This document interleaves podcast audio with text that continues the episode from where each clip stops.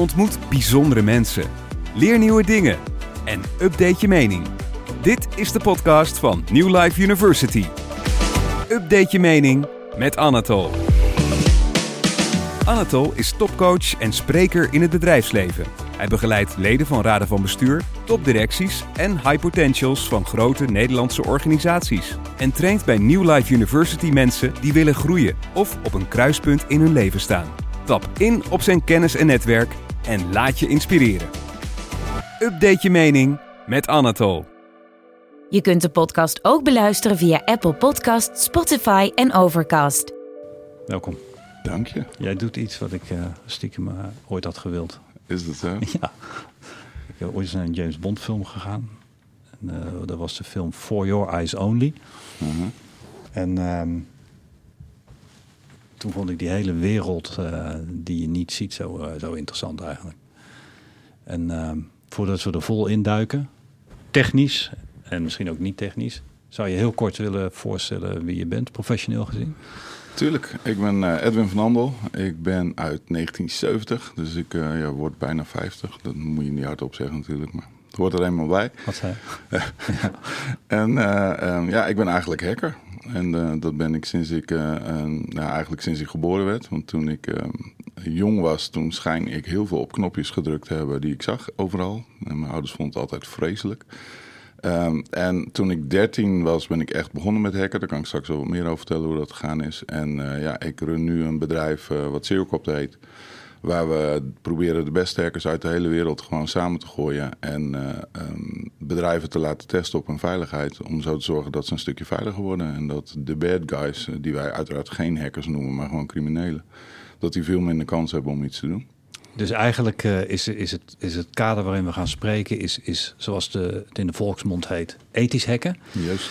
Dus dat is uh, pen testing, penetration testing onder andere. Ja. Dus je, je, je checkt uh, de veiligheid van organisaties en misschien individuen, zodat ze, ze dat kan teruggeven van joh, je bent veilig, je bent niet veilig. Ja. En je geeft er advies op. Precies. En wij doen dat niet zozeer met pentesten, maar meer met een, ja, een andere optiek. Um, maar ja, daar kan ik zo wat, wat, wat meer over vertellen. Oké, okay. en, en, kun je aangeven wat dan jouw uh, fascinatie voor knoppies was en wat ah, dat dan joh. nu is? Nou, dat is, is nog steeds. Als ik hier rondkijk, zie ik ook allemaal apparaten. En dan, allemaal dan, te hacken?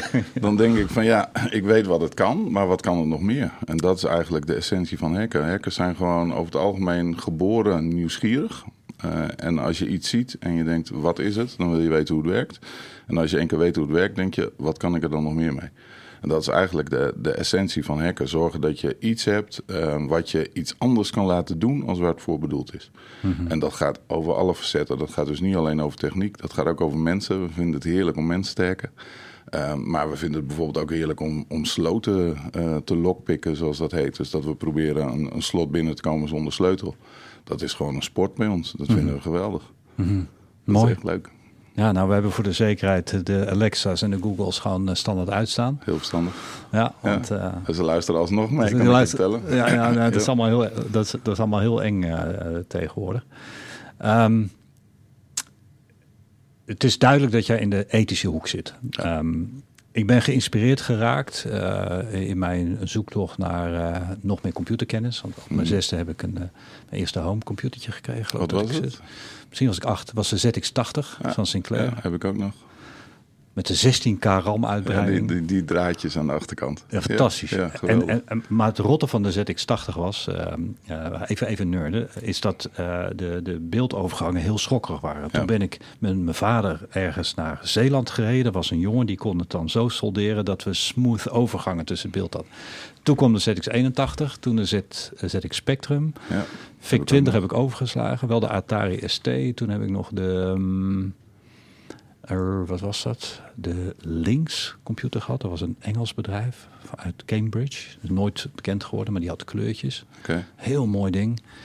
Maar het begon eigenlijk allemaal dat, doordat een van mijn beste vriendjes uh, een vader had die heel veel geld had. Dat was een miljonair en daardoor kon ik bij hun, wij waren geen miljonair, kon ik uh, spelen met heel veel nieuwe dingen. En daar begon het met CPM. Mhm. Daar heb ik de eerste CPM computer gezien. De dat is een voorloper van DOS. Ja. ja. En mijn vader, mijn vader was uh, wetenschapper, econoom. En die werkte op de Katholieke Universiteit in Tilburg. En die had een heel groot rekencentrum. En mijn vader heeft me één keer meegenomen. En toen zag ik al die computers er staan. En dan zag ik al Windows. Niet Windows, maar met een muis. Ver voordat het consumer goods werden. Dat was waarschijnlijk een Unix-versie toen. Ja, probably. Een X-Windows of zo. Ja. ja. En daar is de liefde voor computers ontstaan. En toen merkte ik dat ik die ZX80 zelf kon programmeren. Ja, peek en poke. Peek en Ja, nee, we hadden een petcomputer op de middelbare school. Uh, Heel vooruitstrevende school, Odulfus Lyceum. En wij konden, lang geleden, wij konden met een poke konden wij het scherm laten infikken. Ja. Dat was een Pet Commodore, ja. van die groene schermen. Nou, toen ben ik in Delft gaan studeren, heel veel met computers gewerkt. En daarna ehm, heb ik uh, uh, Windows 3.0 aangeleerd, 3.1. Ben ik taxichauffeur geworden in die tijd, Windows 95 uh, eh, geleerd. Um, was niet met hacken bezig, maar wel met, met diep van binnen wat is mogelijk met zo'n ding. Misschien een beetje een lange inleiding, maar dan is voor de kijker ook interessant en snap te kijken als we straks gaan nerden, dat, uh, dat, dat, we denk ik dezelfde, een van dezelfde voordelen hebben. Ja. sorry maar toen, uh, toen ben ik uh, allerlei banen gaan doen. hoe zeg je dat? 12 opportunities, 13 ongelukken. En uiteindelijk heb ik een database met DBase 3 gemaakt voor het taxibedrijf. Ja. En daarna ben ik heel lang niet meer in de computers gegaan. Om vervolgens netwerkbeheerder te worden bij, bij Ballas Nederland. Oké. Dat was net in die piek van eh, IT. Uh, eh, en dat wat ik nu doe, dat coachen en spreken, dat, dat heeft, heb ik altijd gedaan. Maar ik moest geld verdienen en dat kon ik dan toen nog niet met spreken. Dus heb ik me helemaal in computers verdiept. En daarna eigenlijk, na NT4 en uh, Windows 2000 geloof ik nog, heb ik hem eigenlijk jarenlang niet meer bijgehouden, mm de computerkennis. En in 2006 hebben we alles naar Max overgeschakeld. Ja. En toen hebben we ons bedrijf opgezet. Nou, lang verhaal kort.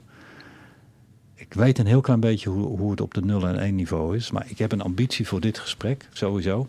Is dat we mensen laten, laten snappen. En als het niet kan, is het ook goed. Maar we gaan het gaan proberen. Dat we mensen een klein beetje laten snappen wat er gebeurt als je je wifi gebruikt of als je een kabel gebruikt en wat er overheen gaat. En dan hoeven we niet het OSI-model in te gaan. Gelukkig. Uh, want daar, ik snap het een beetje, maar ik, ik, zie nog steeds wagonnetjes en treintjes aan informatie. En dat noem ik dan maar uh, die IP-pakketjes. IP, maar we kunnen wel een beetje technisch worden. Er is een leuk filmpje van nog steeds, hè? ergens op YouTube. Een Net Warrior of zo heet het ding. Mm -hmm. Volgens mij ooit gemaakt door een firewall-fabrikant. En die heeft echt een tekenfilm gemaakt met: uh, oké, als je iets intikt, dan gaat het van achter in een wagonnetje. En dan wordt het op een lijntje gezet. En dan komt het op een gegeven moment bij de firewall uit. En die kijkt of het erdoor mag of niet. En als het niet mag dan zept hij hem, dus dan zie je hem ontploffen. En dan gaat het over het internet waar iedereen tegen elkaar aanbotst. En dan uiteindelijk komt het ergens waar het naartoe moet. En dan kan het of naar binnen of niet. En dat is echt een geweldige tekenfilm. Net Wars heet die volgens mij. Net Wars, Het is heel oud, maar als je echt interesse hebt in hoe de achtergronden werken... dan, dan zou je die zeker even moeten checken. Ja, dat gaan we zeker doen. Dat is echt een leuk filmpje. Maar als ik jou zo hoor, dan heb je dus wel de basiskennis van computers meegekregen. Ja, dat begon met, uh, met uh, de, de, de nullen en enen die ik begon door te krijgen. Dus binair denken. Maar je hebt ook computers in elkaar gezet waarschijnlijk. Zeker, ja. ja. ja en, en dat is iets wat we tegenwoordig missen. Als ik kijk naar mensen die nu uh, van school komen of wat dan ook... en die misschien een hele goede hacker zijn zelfs die hebben niet die basiskennis meer. De klikgeneratie. En dat mist. Dat mist echt vreselijk. En daarom ben ik ook zo blij dat wat wij doen. Wij combineren juist die oudere hackers die nog weten hoe een computer werkt. Wat, wat DMA is of zo. En dat mhm. zegt heel veel mensen helemaal niks. Maar het is best handig als je weet wat het is. Want als er ergens iets misgaat, dan kun je weer terugvallen op de oude basis van hoe werkt een computer nou vanaf het begin. En dat mis ik wel. Ook in opleidingen tegenwoordig krijgen dat helemaal niet meer terug. Nee? Mensen die komen van een training af en die hebben alle Windows-certificeringen gehad. Maar als er dan ergens een uitroepteken staat in dit werkt niet, ja, hebben ze geen idee. Want ze weten niet hoe de computer werkt. Maar het is dus, het is dus niet alleen handig, maar eigenlijk noodzakelijk. Als je, dat, ja, als, Je, als je echt gewoon wil weten hoe het werkt, dan zou je eigenlijk gewoon een computer zelf moeten gaan bouwen. Dan zou je moeten lezen hoe een processor werkt, hoe je een videokaart koppelt aan een processor. Mhm. En als je die basis hebt, dan, dan kun je ook veel meer uh, bedenken waar dingen misgaan. En daar gaat het tegenwoordig heel vaak mis. Als ergens iets misgaat, heeft niemand een idee, want ze zijn alleen maar die browser gewend. Wij hebben hackers in het bedrijf, dat zijn de beste hackers ter wereld, verdienen weet ik veel geld. Als hun computer stuk is, of als hij iets niet doet, dus als ze hun schermen niet te zien krijgen, dan kopen ze een nieuwe, want ze hebben geen idee hoe een ding werkt. Wauw. Ja, dat is echt niet normaal. Maar hoe is dat bij jou, uh, jou begonnen? Je hebt ook al in, de, zeg maar, in die hardcore uh, hardware. Uh, ja, nou nog steeds, dat vind ik het leukste wat er is met hardware klooien. Dus er zijn heel veel specifieke hackersoorten natuurlijk, als je het een beetje niet zo netjes omschrijft. Maar je hebt hackers die gaan op de mens, je hebt hackers die gaan echt op de software, je hebt hackers die gaan alleen maar op web en uh, alles wat met online te maken heeft. En je hebt hackers die puur voor hardware gaan. Dus gewoon echt apparaten helemaal uit elkaar halen, uh, chips proberen leeg te halen, kijken of ze kunnen ontsleutelen wat voor code er gebruikt wordt en dan proberen er weer iets anders mee te doen. En dat vind ik zelf het leukst, dus daar doe ik ook nog steeds aan mee als ik tijd heb. Maar tegenwoordig wordt dat steeds lastiger en lastiger. Maar ik ben uh, nou ja, pas echt begonnen met hacken, denk ik, toen mijn vader uh, die werkte bij een verzekeringskantoor en die kreeg toen zo'n actie dat hij een computer thuis mocht hebben. En moest je voor inschrijven. En dat was een huur overeenkomst toen de tijd of zo. Net zoals je de fiets hebt van de zaak, dat soort dingen. Uh, en toen kreeg hij een Commodore PC1 volgens mij was het. Dus wow. was de allereerste Commodore PC 80. Is dat nog voor die pet?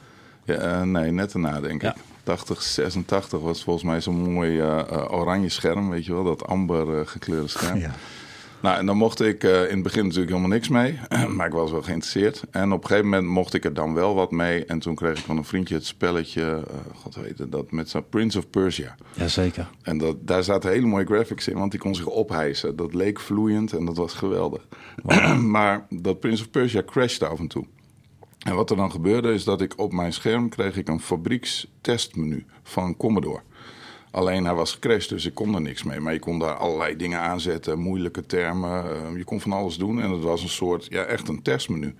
Dus dan had ik zoiets, ik wil dat ook. Ik wil dat testmenu. Maar ja, de computer was gecrashed, dus je kon helemaal niks meer. Dus ook niet in dat testmenu. En welke knop je ook drukte als je opstartte, geen testmenu. Je kwam wel in de BIOS, maar niet in een testmenu.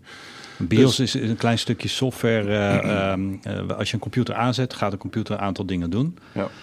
Uh, en een van de dingen die hij doet is zijn eerste programmaatje uh, dat ergens op een chippy staat uh, raadplegen. Want ja, ja, een computer is een dom ding. Een kaal ding, dus die weet niet wat hij moet doen. Dus een BIOS is een van de eerste stukjes ja. software waar, waar het begint. Ja, en af en, toe, af en toe probeer ik een paar dingen te vertalen. Dat we uiteindelijk misschien wel uh, heel veel meer begrip aan mensen krijgen. Ja, heel goed. Ik probeer het ook zoveel mogelijk in Jip en Janneke taal. Maar ja, sorry, soms ga ik... Nee, maar dit is Jip en Janneke. Ja, dit is Oké, okay. okay, dus, dus, de, dus, de, BIOS is iets, je zet de computer aan, het ding is dood. En uh, hij moet leren dat hij wat inleest, een programma, en dat hij wat uitvoert. Dus basic input, output, BIOS. En um, daar start hij mee op. Uh, maar goed, daar kon je ook niks mee. Dus toen ben ik naar de bibliotheek gegaan. En toen heb ik een boek gehaald over hoe werken computers. Nou, dan ga je dus lezen over enen, nullen en uh, dat soort zaken.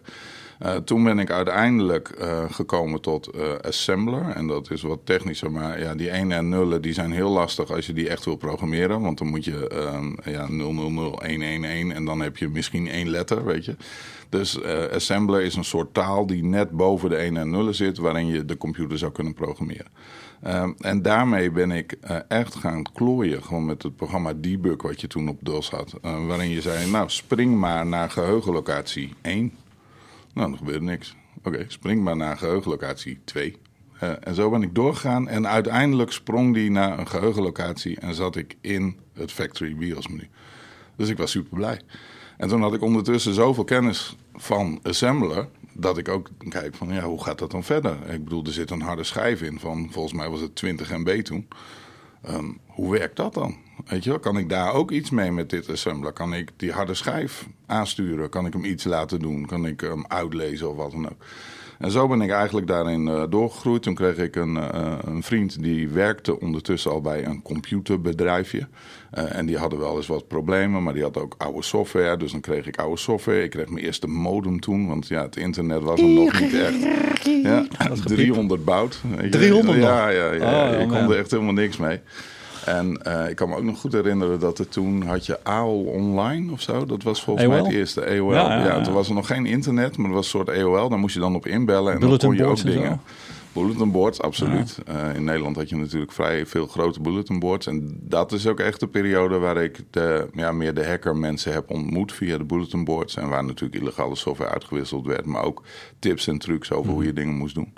Maar ik kan me nog herinneren dat ik ooit een keer een computerblad las. En daar stond een voorbeeld in van AOL, hoe je dat ging gebruiken. En daar stond letterlijk het wachtwoord in van die man die het gebruikte.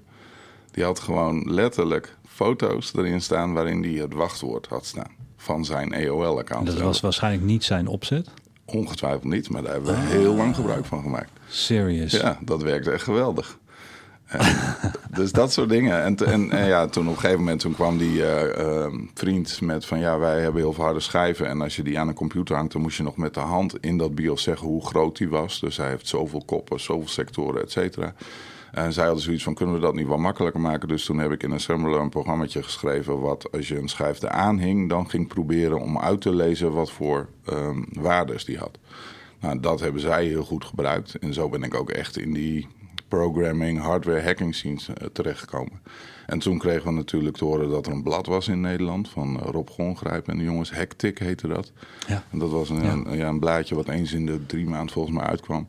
En daar stonden allerlei dingen in over hacken, over telefoonfreaking, over dat je naar een telefooncel kon en dan kon je gratis bellen. Ja, dat deed uh, Bill, uh, niet Bill Gates, dat deed uh, Steve Jobs, hè?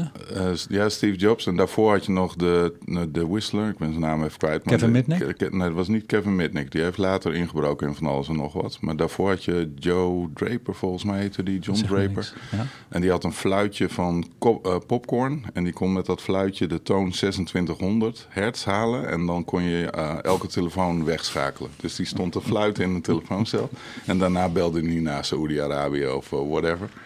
Um, dus dat soort dingen werden er allemaal in behandeld. En dan had je een spelletje en dan kon je een crack voor schrijven... zodat het spelletje je ongelimiteerde levens gaf. Nou, dat soort dingen deden we gewoon in die tijd allemaal. Dat was geweldig. Maar dat was spielerij die er uiteindelijk voor heeft gezorgd... dat je wel weet hoe, hoe het allemaal werkt. Ja, dat is gewoon echt de basis. Ja. Dus... Uh... We hebben al een paar dingen benoemd. We hebben computer benoemd, we hebben harde schijf benoemd, we hebben BIOS benoemd, ja. um, geheugen van een computer. Ja. Pieken, poken. Nou, pieken was het uitlezen van uh, wat in het geheugen zat. Staat, poken ja. was de, de, erin drukken. Ja. Dus ja, je kon dus een, een pook geven naar dat computerscherm bij ons op school, waardoor er één puntje op het scherm ging branden. En dat ging dan. Die amberschermen waren trouwens wel erg lekker in het inbranden. Tenminste, die ik heb. Komen er ook met de Atari's en Amiga's. Ja, ook daar, nog. daar zat een, een joystick aan. Uh, en die joystickpoort die zat op 5 volt volgens mij. Maar als je dan de verkeerde commando's gaf, ging die naar 12. En dan explodeerde die. Dat was echt superleuk. Kost een hoop geld toen de tijd, maar dat was wel leuk om te doen. In ieder geval is het een, uh, is het een, uh, een tijd van heel weinig slapen, is het niet? Ja, ja, je was gewoon altijd bezig. Je zat altijd achter dat scherm. En natuurlijk, het werd sneller en sneller. De modems werden sneller. Je ging met veel meer mensen praten. Niet alleen maar binnen Nederland, maar over de hele wereld. En dan kom je gewoon vanzelf in die groepen terecht die dezelfde interesses hebben als jij. Mm -hmm. Uh, en dat waren uiteraard ja, de, de hackinggroepen, dat vond ik interessant. Wat, wat kun je leren van mensen die al iets geweldigs hebben gedaan? Hoe kun je daarmee in contact komen? Wat kun je met ze doen? Ik vond het een heel inspirerend boek, maar wel duister ook, dat boek van Kevin Mitnick dat ik ooit heb gelezen. Kevin Mitnick is, um, ik weet niet hoe jij hem betitelt, maar die heeft dingen gedaan die, die niet echt handig waren. Maar dat is een hele bekende in de scene. En, en het is mij helemaal duidelijk hoe je, hoe, hoe je voelt, maar ook uh, wat je zegt, is dat je aan de, aan de goede kant van de lijn opereert. Ja. Bij Mitnick weet ik het niet zo goed meer. Maar hij is echt een begrip. Uh, dus als mensen uh, dat boek lezen, dan lezen ze een hoop dingen. Maar volgens mij deed hij ook dingen die niet goed waren. Ja, hij was heel goed in het kraken van telefooncentrales. Dus Aha. hij brak letterlijk in, maar ook via social engineering. En dat is dus dat je mensen zover krijgt dat ze iets doen. Dus je belt gewoon iemand op en je zegt... hé, hey, ik ben jouw collega, ik zit in een ander pand... maar ik moet even een wachtwoord hebben, want bla, bla, bla, bla. Daar was Kevin heel goed in. Aha. En op die manier is hij binnengekomen bij heel veel telefooncentrales... en kon hij gratis bellen en kon hij van alles en nog wat doen. En daar is hij voor gearresteerd, heeft hij ook echt voor vastgezeten. Mm -hmm. Toen was er een hele movement Free Kevin, om ja. Kevin vrij te krijgen. Ja. Ondertussen uh, is Kevin uh, ja, in de hackerscene niet meer heel populair... omdat hij ook uh, heeft geprobeerd om ideeën van anderen onder zijn eigen vlag uit te brengen, zeg maar. Ja, dat is niet chic. Dat werkt niet, nee. nee, nee, nee. Als je kijkt naar de hacking community, dan merk je ook wel... het lijkt een heel gesloten blok, um, maar dat is niet zo. Dat hangt vanaf hoe je er zelf naartoe gaat. En ja, het simpele ook. voorbeeld is als jij nu naar een hacking community toe gaat, online of wat... en je zegt, leer mij hacken dan gaat iedereen je wegsturen. Dat heeft geen enkele zin. Maar als jij daar komt en je zegt: hé, hey, ik ben hiermee bezig en ik heb dit geprobeerd en ik heb dat geprobeerd en ik heb dit boek gelezen en ik heb dat gedaan, maar ik kom er niet uit, kom maar binnen. Weet je, je moet wel zelf dat initiatief tonen. Ook gewoon aangeven dat je echt geïnteresseerd bent, dat je echt wat wil en dan zal iedereen je helpen. Mm-hmm. Want iedereen wil dat ook. Iedereen wil ook alles weten. Tuurlijk. En, ja. en heeft waarschijnlijk ook in een situatie gezeten dat iets niet lukt en dat je dan. Hacken is eigenlijk gewoon 99% falen. En dan die ene keer dat je het wel lukt, dan, ja, dan ben je gewoon on top of the world. En als je dat naar buiten kan brengen en je bent de eerste die dat doet, dan ben je on top of the scene, zeg maar. Ja. Dat is hoe het een beetje werkt. Als ik terugdenk aan die tijd uh, dat ik samen met vriendjes veel in die computer zaten, is wel echt een romantische tijd. Ja. Ik vond het echt helemaal mooi. Dat waren, waren echt de, de, de nachten. Ja. Nou, wij, wij, wij wisten toen helemaal niet wat hacken was. Hebben we ook niet gedaan. Maar dat waren wel spelletjes spelen. Maar ook, ook BIOS-instellingen uh, wijzigen. En kijken hoe je die computer kon laten crashen. Gewoon allemaal, allemaal spelen. Ja, dat, dat hoor ik dus nu. Ja. ja. En, uh, maar dat was, dat was zo, het was zo romantisch, man. En ik heb ook geprogrammeerd, ook in de, de disassemblers en de assemblers. Uh, en later iets ho hoger talen noem je dat, C. basic. Uh, nou, ja. C, lukt me niet. Okay. Of ik heb dat, ik heb dat uh, nee, dat, dat lukt me gewoon niet meer. Okay. Java, script en, en ja. ik, ik, ik, kan het een heel klein beetje lezen, maar ik heb op een of andere manier een knoop in mijn hoofd bij die talen. Misschien ben ik fysiek. Ik heb piano gespeeld en daar zeiden ze altijd als je synthesizer speelt, dan kun je niet terug naar piano. Mhm. Maar als je piano speelt, kun je wel naar synthesizer. Doordat je eerst die zware aanslag gewend bent, dan is die lichter makkelijker. Maar andersom, dat wil het lichaam niet. Nee. En misschien is dat er ook gebeurd eigenlijk uh, bij, uh, bij computertaal. Want ik, het lukt me niet. Hm. Visual Basic, Visual Basic ging nog maar op het moment dat het object georiënteerd werd. Ja, toen werd het lastig werd lastig. En dan heb ik ook niet meer de tijd uh, erin gestopt uh, die ik wilde. Maar ik kan me echt herinneren dat het super, super romantisch was. Uh, die, die, nachtelijke escapades. En dan het gevoel, dat wilde ik je ook nog voorleggen. Wat, misschien herken je dat. Dat is dat, dat, dat je in je hoofd een taakje hebt. Je moet iets oplossen met een mhm. routine, een soeproutine. Of in jouw geval misschien, je moet iets, iets kraken. Of je, en met dat gevoel zit je dag en nacht, dagenlang, wekenlang, ja. colaflessen later dan heb je het te pakken. Ja. ja dat is fantastisch. Maar dat hebben wij met alles nog steeds. Oh man, ik ga mijn beroep veranderen. Dat, is, dat is echt zo, met alles. Als wij bugs vinden, en, en ja, ik zal zo nog even uitleggen wat, wat wij dan anders doen. Maar dan hebben wij gewoon hackers erbij die uh, nou ja, misschien is het handig dat ik nu gelijk doe. Je had het over pentest zo net. Uh, en een pentest is iets wat heel veel bedrijven wel doen. Of omdat het moet, omdat er een stempeltje op zit. En dat staat, pen staat voor penetration testing. dus het doordringen van het systeem. Ja, wat je doet is je zegt dus... Uh, nou, in, de, in de oude wereld bouwde je software... En dan uh, had je uiteindelijk je software af en dan ging je naar een bedrijf toe en dan zei je: Ik wil dit op security getest hebben. Nou, dan gaan er twee mensen, drie mensen, die gaan een week lang dat stuk software testen. Dan schrijven ze een week lang een rapport um, en dan komen ze dat presenteren en daar betaal je dan x bedrag voor. Um, maar wat we toen deden was dan een half jaar niks of een jaar niks. Want je was aan het ontwikkelen van nieuwe software. En als dan je update klaar was na een jaar, dan deed je weer zo'n pentest. Dus elk jaar deed je zo'n penetratietest. Elk jaar kreeg je een stempel van nou, het is redelijk veilig. Dit moet je nog even veranderen, maar dan kan het naar buiten toe. Tegenwoordig ontwikkelen we natuurlijk soms elk uur uh, nieuwe releases. Dus je hebt bedrijven die gewoon, klanten van ons, die elk uur nieuwe software naar buiten brengen. Wow. Als jij dan elk uur een pentest wil doen van drie weken, dan gaat het niet echt werken. Dus wat wij hebben gedaan, is wij hebben dat op een andere manier opgelost. Een pentest is gewoon twee of drie man die kijken met hun expertise. En die kan heel goed zijn of net iets missen. Maar die hebben ook een lijst waarvan ze zeggen, ja, we moeten hierop letten, dit moeten we checken, dat moeten we checken. En als hier bovenaan iets misschien niet lukt, ja, dan hebben ze geen tijd om daar echt in te duiken en verder te gaan. Wat wij doen is, wij combineren uh, het op een andere manier. Bij ons zeg je letterlijk van, nou, ik heb continu softwareontwikkeling. Ik wil dat daar continu hackers naar kijken. En dan kunnen wij er 10 opzetten of Die kijken mee bedoel je? Of 30 of 50. Die kijken niet mee, maar die testen gewoon continu. als ze zin hebben. En op het moment dat ze dan iets vinden, dan gaan ze dat rapporteren aan ons. Wij valideren dat, dan gaat het naar de klant. En dan krijgt die hacker betaald voor de bug die hij gevonden heeft. Dus niet zozeer voor die, die week testen, het rapport en alles. Hij krijgt gewoon alleen betaald per gevonden bug. Dus voor die hackers is het incentive, ik moet wat vinden, want ik krijg geld. Dat is hoe het principe werkt. Nou, toen we daarmee begonnen uh, en we hadden onze eerste programma's, hadden we al de beste hackers gevonden. Want wij hebben wel een, een, policy dat wij onze hackers willen testen. Dus ze moeten een background check doen en ze moeten een paspoortcheck doen. En ze moeten echt met de hand geselecteerd zijn. Dan mogen ze in ons platform, dan mogen ze meedoen. Um, en in het begin hadden wij onze eerste programma's en we zetten die hackers erop. En de eerste week werden de dingen gevonden en kregen ze geld. En in de tweede week gebeurde er helemaal niks meer. Dan wij zoiets van, waarom niet? Weet je wel, ze kunnen geld verdienen. Dus dan ga je ze bellen. Uh, jongens, ik weet niet hoor, maar jullie mogen drie weken lang uh, of een maand lang doen wat je wil. Waarom doe je nou niks? Want de eerste keer, nou zeggen ze, ja, ik, ik heb gekeken en daar en daar zit een stukje code. En dat klopt volgens mij niet. Maar ik weet niet wat het is. Dus ik ben uh, aan het nadenken. Ik zeg, en wat ben je aan het doen? Nou, ja, Netflix kijken. En dan zitten ze gewoon een week lang te broeden op dat ene stukje waarvan zij denken van ja, ik kan er nu niet in, maar volgens mij klopt het niet. En na een week pok binnen.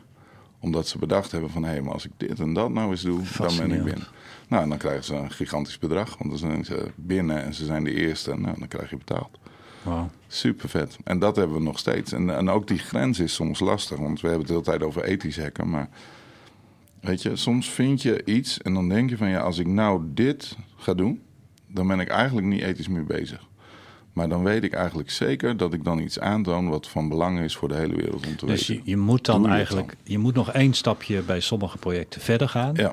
Waar je dus net, net over de scheef gaat. En je gaat alles melden en zo. Dus je doet, je niks crimineel. Maar eigenlijk zit je dan toch vaak te balanceren op die grens. Op die rand, wat ja. Wat, wat wil je dan? En we hebben natuurlijk ook um, um, samen met Floor Terra en dat soort jongens gewerkt aan responsible disclosure in Nederland. Um, daar waren we als Nederland echt de eerste mee.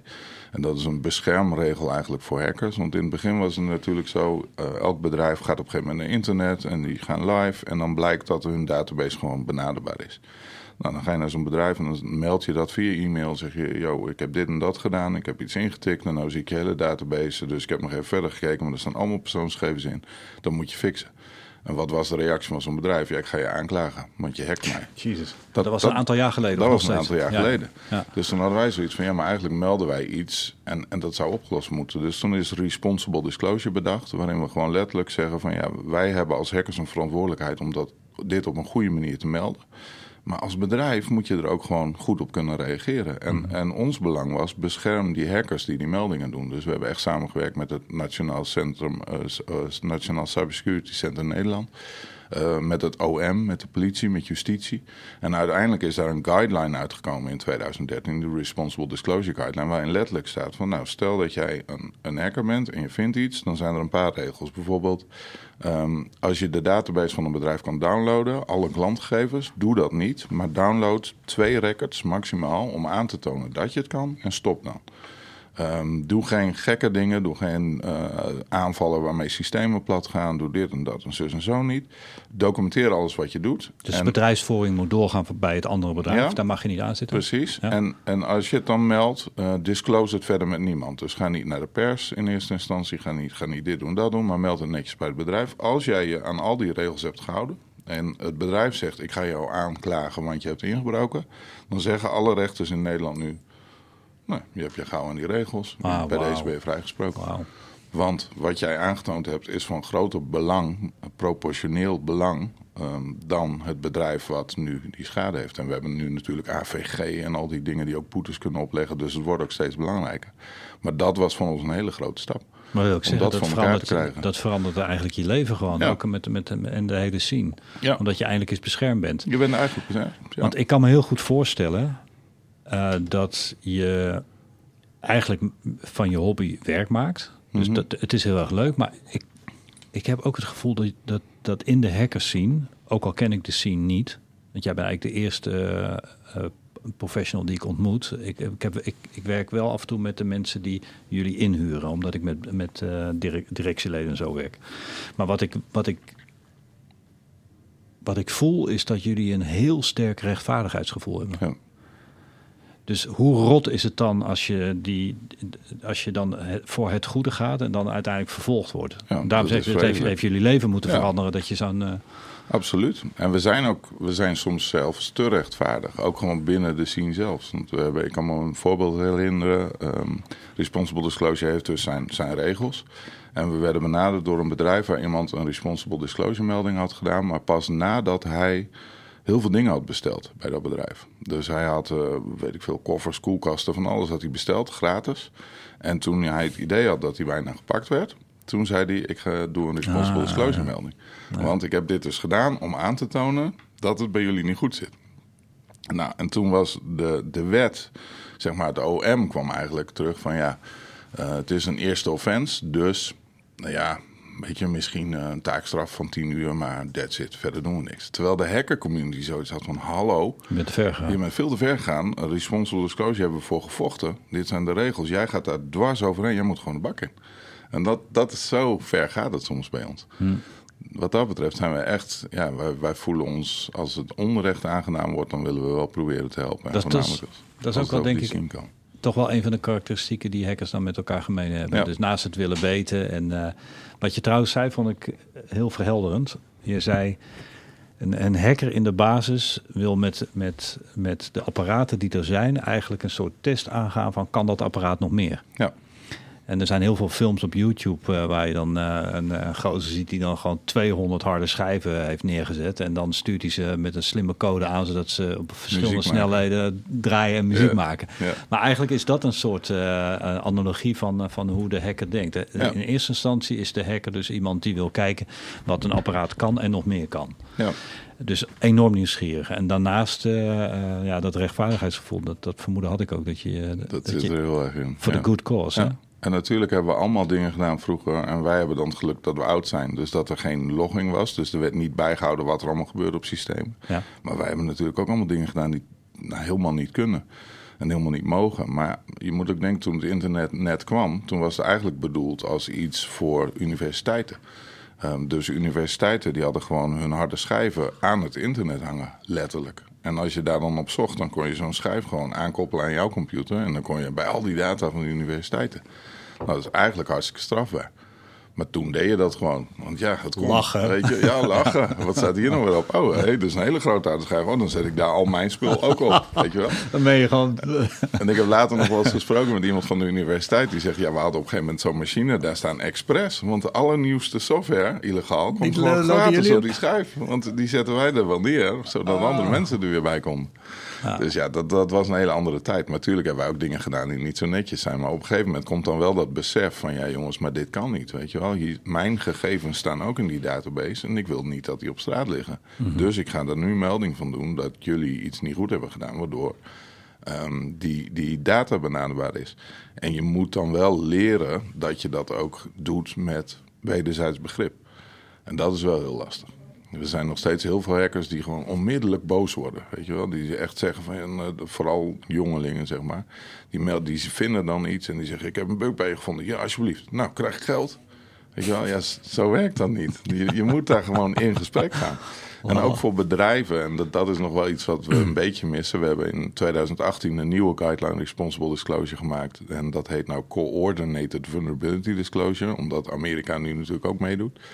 Um, maar dat geeft wel meer de essentie aan, want dat responsible deel lag eigenlijk voornamelijk bij ons. Wij moesten maar zorgen dat we het responsible deelden. Dat wij verantwoording namen, dat we niet naar het pers gingen, et cetera. Maar eigenlijk hoefde een bedrijf nog niet iets. Weet je, ze konden je niet meer vervolgen. Maar er waren ook niet echt dingen dat ze iets ermee moesten doen. En we hebben nu Coordinated Vulnerability Disclosure als guideline. Dat geeft aan dat een bedrijf ook zeker wel, op het moment dat wij een melding doen, bijvoorbeeld binnen vijf dagen in elk geval acknowledge dat we die melding hebben gedaan. Mm -hmm. En we hoeven geen oplossing binnen vijf dagen. Maar het is wel fijn dat als wij een melding doen van... joh, jullie hele database ligt op staat... dat we terugkrijgen van dankjewel voor de melding, we hebben het gezien.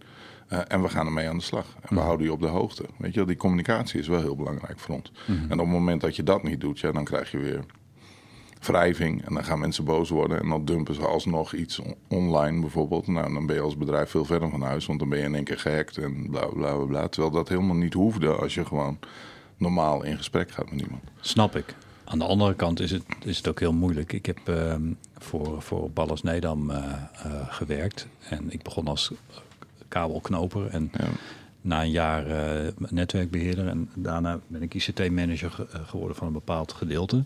Dus de verantwoordelijkheid, uh, gevoel, verantwoordelijkheidsgevoel stijgt dan ook. Uh, goddank nooit een hack gehad. Mm -hmm. waarvan maar, je weet. Waarvan ik weet, exact. Die wilde Sorry. ik erachteraan zeggen. Maar als je dus dan daarvoor staat, gewoon als mens, en je wordt gehackt, dan kan, dan kan het ook zo zijn als je last hebt van uh, te weinig zelfvertrouwen of last van je ego door weinig zelfvertrouwen, dat je dus dat helemaal niet leuk vindt dat nee. je wordt gepakt. En dan kan ik me ook voorstellen dat er ook mensen misschien ook wel bang voor hun job zijn of zo. Ja. Terwijl wat jij zegt, de normaalste zaak van de wereld is dat jij examen doet. Ja. Een aantal organisaties waar ik mee werk, die wachten niet. Die, die komen juist uh, richting jullie en die vragen ook als ze iets nieuws hebben gemaakt om te testen. Ja. Uh, maar dat is pas sinds de laatste jaren. Of along the way. Ja, dat klopt. Dat is iets van, uh, denk ik, de laatste, in, in, mijn wereld, vier, vijf jaar ja. ongeveer. Ja, ja. We gaan iets, we gaan iets proberen om uh, mensen wijzer te maken van wat er is en wat er gebeurt. En dan ook te kijken waar de gevoeligheden in zitten. En ik, ik, ik snap door mijn interesse dat ik doorvraag, maar ik snap volledig als jij stopzet. Okay. Dus als je niet dieper gaat. Dus, maar dan is, noem het maar mijn naïviteit. Ik ben heel benieuwd.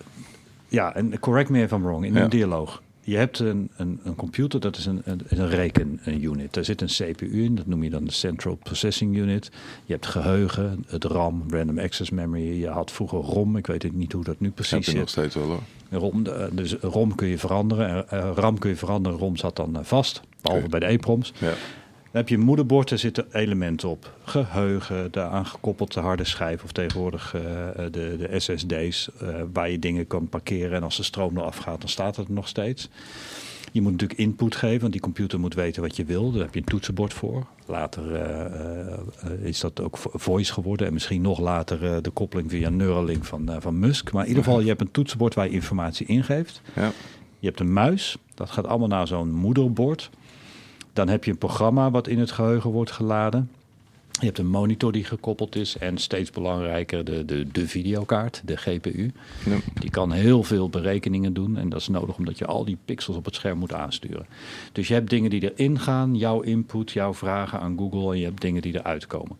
Nou, dat was eigenlijk de computer. Toen werden computers aan elkaar gekoppeld in netwerken. Mhm. En, en je had bepaalde kabels. Nu heb je zo'n netwerkkabel, uh, zo'n UTP-kabel. Uh, en, en toen ik begon in ieder geval met netwerken, waren dat uh, coaxiale netwerken. dus als er één. Terminator aan het eind. Man, wat heb ik vaak gezocht. Als er ergens iets, iets kapot was, was je dus of heel lang aan het denken, of uiteindelijk kwamen we erachter, je moet eerst halverwege stopzetten. Want nu is het zo, als je zes computers hebt gekoppeld met een kabel en je trekt één kabel eruit, dan werken die andere vijf nog steeds. Maar ja. bij zo'n netwerk, uh, ringnetwerk heet dat geloof ik, als er één computer niet meer goed gekoppeld is, doet niks er meer. er niks meer langs. Nee, en dan aan het einde van zo'n heel, heel verhaal moest je inderdaad de Terminator doen. Heb je ook wel eens een schok gehad? Uh, meer een tintelend gevoel. Maar niet echt een schok. Nou, je hebt ook wel eens van die kabels die lagen dan net tegen de ver verwarmingsbuis aan. Met die terminators, die eindstoppers. Uh, en, ah. en dan had je een beetje aarding gehad. Dus er was een computer die lekte wat stroom. En dan werkte het niet meer, omdat het een soort magnetisch veld was. Dus dan deed niks meer. Dus dan liep je al die kabels af. En dan kwam je bij die laatste. En die, dan merkte je al, die was wat stroever. En dan pakte hij hem op. En dan kreeg je een ontzettende vonk. En die klapte dan in je verwarming. En dan ah. deed alles het weer. Ik heb mazzel gehad. Je hebt mazzel gehad, denk ik. Mazzel, nee, dat, dat, heb ik niet gemerkt. Maar het was, wel, het was wel de tijd waar eigenlijk computers aan elkaar gekoppeld werden. Ja. En toen kreeg je de, de, de netwerksoftware, dus de Windows 3.0, 3.1. Novel. Dat is een nachtmerrie novel. Ja? Ik, mo ik moest van mijn toenmalige baas, ik moest novel leren. Ja, iedereen had novel, iedereen draaide 3.12. Ja, 3.12, ja. Een mooie rode doos. Zeker. 28 floppies of zo, of 48. En als je, ze moesten allemaal één voor één doen. En als er één stuk was, kun je weer opnieuw beginnen. Not sweet memories. Maar dat kwam meer omdat ik meer in DOS zat. En, uh, en, uh, en, uh, en, en, richting Windows aan het gaan was. En, en ik heb altijd gezegd, net een novel, novel is veel beter. Maar het is gewoon, het is niet de toekomst. En ik voelde dat het niet de toekomst zou zijn ik moest ermee werken, vandaar dat ik er minder herinnering aan had. Maar het was wel heel stabiel. Veel bedrijven die, uh, die wij servicen, die draaien erop. Nou, en toen kwam er, uh, jij zei het al, een aantal universiteiten geloof ik, die, die de verschillende vestigingen met elkaar gingen, uh, gingen koppelen. En dat is eigenlijk een soort voorloper van het internet geweest. Toen is mhm. DARPA er bovenop ge, op gedoken. De military, ja. ja. de military van, uit Amerika, onderzoekscentrum. En, en eigenlijk is internet uh, het aan elkaar koppelen van computers. Maar ja, dan komt er wel een probleem van hoe weet welke computer welke informatie waarheen moet. Dus we hadden uh, vroeger dan de, de repeatertjes, de hubjes. Mm -hmm. Daar kon je één kabeltje in doen en die ging dan naar meerdere kabels. Dat ja. heet tegenwoordig de switch. Maar ja, je Klein moest... verschil. Hub is schreeuwen over alle kabels en switch is weten waar, waar het naartoe moet. Dank je. Die, die nuances heel graag. En um, ja, dus je had er een onderdeel bij, je had er een kabel bij, je had er een kastje bij. En toen had je ook nog de tijd van de modems waar je al aan refereerde. Een modem die kon computersignalen omzetten in geluidssignalen. En die ging dan over de reguliere telefoonkabel. Ik ben geëindigd bij een 33.6 modem. Nou, netjes. Daarna kwam nog de 55 en toen was het volgens mij ook redelijk afgelopen. Ik gemist. En um, dat was eigenlijk een manier, een modem, om uh, een, met andere systemen te praten via een, uh, ja, via een normale telefoonkabel. Maar ja, als je zoveel computers hebt dan, dan, en computernetwerk hebt, dan moest je weer intelligentie hebben die wist van ja, ik ga van, uh, van deze computer iets vragen aan onze server in het kantoor. Dat is een andere actie als dat je dan het kantoor aan de overkant van de straat wilde hebben. Want dan, dan moest je toch echt een, ik weet niet of het toen al zo heette, maar in ieder geval een router hebben. Die bepaalde van nou deze adresjes, want elke computer heeft een postcodeadres en een huisnummer. Anders kunnen ze niet met elkaar praten. Van ah, deze postcode is niet bij ons, dan moet je naar buiten. Dus dan kreeg je uh, ook bij de particuliere routers. Maar ja, je had wel heel veel kabels en steeds meer dingen konden eigenlijk zonder kabel. En toen kwam je eigenlijk terecht in het land van wifi, mm wireless internet. Uh, en toen kwam gsm erbij. Uh, ik heb ooit zo'n pocketline Einstein nog, zo'n hele grote had. Dus je, je kreeg gsm-bellen. En nu heet dat met andere protocollen 4G en 5G. Maar eigenlijk in mijn wereld is een hele logische gevolgtrekking van steeds meer computers die aan elkaar gekoppeld werden. Maar als je dat gaat doen, dan kun je dus ook een kabel afluisteren. Of mhm. met, met apparaten waarmee het elektromagnetisch veld pakt. Maar je kunt het misschien ook wel in een extra hubje doen. En als we nu heel snel gaan, we hebben ook glasvezel. En stel nou voor dat je op allerlei verschillende lagen kan hacken. Je kunt iemands paswoord vragen, maar je kunt ook, ook, ook, ook brute forcing doen. Zo een hele paswoordlijst die je gewoon online kan halen via de Tor-browser. Kun je gewoon vol afsturen op, uh, op die computers. En als ze niet slim zijn, dan heb je een keer het goede paswoord. Maar je kunt ook dieper gaan. Je kunt de BIOS uh, proberen te hacken. Je kunt het toetsenbord uh, bepaalde software geven. dat die zich niet alleen als een toetsenbord voordoet. Of je kunt een USB-stuk USB software geven die je in het in de USB stopt. En dan denkt hij dat het een toetsenbord is. Je bent goed op de hoogte. ja. ja, maar net, net niet. Dus je moet me, je moet me helpen. En het doel is, is dat mensen het steeds meer gaan snappen. En dat, dat ze ook na afloop uh, een beetje een mening kunnen vormen van waar ze op moeten gaan letten. Maar uiteindelijk was het bij mij echt een shock. Toen ik aan glas dacht, las ik ergens dat je niks anders hoeft te doen dan een ik weet niet of het goede naam is, een prismaatje, ik noem het maar even een spiegeltje, mm -hmm. tussen glas, zodat je glasvezeltje tweede langs kan leggen en al het verkeer op die glasvezel zonder enige vorm van hek, nou ja, het is natuurlijk wel een hek, want het is natuurlijk hard en maat, kun je alles afluisteren. En toen dacht ik, wow. Je hebt gewoon splittertjes daarvoor. Je hebt splittertjes daarvoor. Als je een auto koopt en je gaat iets nieuws aan, dan heb je soms van die hele kleine blauwe connectoren, ken je die? Mm dus dan heb je een stroomdraad nodig, maar je hebt in je auto niet meer ruimte om iets aan te sluiten. Oh en dan krijg je zo'n blauw dingetje erbij met twee clipjes. En er zit een ijzerpinnetje in beide. En je klikt hem op de originele draad. En dan pak je de nieuwe draad en dan klik je hem op. En dan heb je eigenlijk een koppeling gemaakt. Dat kan met glas ook. Je hebt gewoon een klikker die je gewoon op een glasdraad zet. Met een inderdaad prismaachtige lijn. Waardoor de gewone lijn gaat. Maar waar eigenlijk het signaal ook afgesplitst wordt naar een andere lijn. En, en niemand heeft dat door. Nou ja, je moet graven. Want anders kom je over het algemeen niet bij die glaslijn. Nee, je, dus moet, je moet wel fysiek ergens Je moet fysiek ergens bij kunnen. Maar het is dus dan ook zo dat, dat het heel makkelijk is om voor, voor geheime diensten... om, uh, om eigenlijk zonder welke vorm van hack dan ook... gewoon al het verkeer eigenlijk uh, uh, mee te nemen en te bekijken. Maar in ieder geval dat hele verhaal uh, wat ik probeer op te, op te zetten, de, uh, van waar we eigenlijk nu in terecht zijn gekomen, is, is toch dat er heel veel apparaten met elkaar praten, ja. door kabels of in de, in de lucht. Dat betekent dus ook, en, en daar schiet mijn kennis tekort, dat er allerlei uh, zwakke plekjes zijn ontstaan. Want als ik gewoon een laptop heb die niet met de buitenwereld praat, dan is dat best wel safe. Oké, je kunt van enkele tientallen meters af, kun je de, zeker bij die oude tv-schermen, kun je door een gebouw heen de elektromagnetische straling van het scherm. Mm ja, toen ik dat las, werd ik gek. Dus je, kunt... Heb je die andere ook gezien dan, die ik wel eens doe? Nee. Over die hitte-signalen? Ah man, vertel. Er is, uh, uh, ja, Israël is daar gewoon heel goed in, natuurlijk. Die hebben een soort uh, virus gebouwd. Um, wat je op twee PC's plaatst. Mm -hmm. en het doel daarvan is natuurlijk kerncentrale-achtige oplossingen. Um, maar je hebt één computer die is niet verbonden met het internet. Die is alleen verbonden met de machines van de kerncentrale bijvoorbeeld. Oh, nee. Ehm, maar daarnaast zit natuurlijk iemand die ook op internet moet. Dus daar staat een computer naast die een internetverbinding heeft. En wat ze dan kunnen doen is door middel van hittesignalen van de ene. Dus je gaat de processor opspinnen zodat hij een bepaalde hitte krijgt ehm, eh, die boven een bepaalde threshold komt. Dat voelt die andere computer, want die luistert. Die niet verbonden zijn. Die niet verbonden zijn.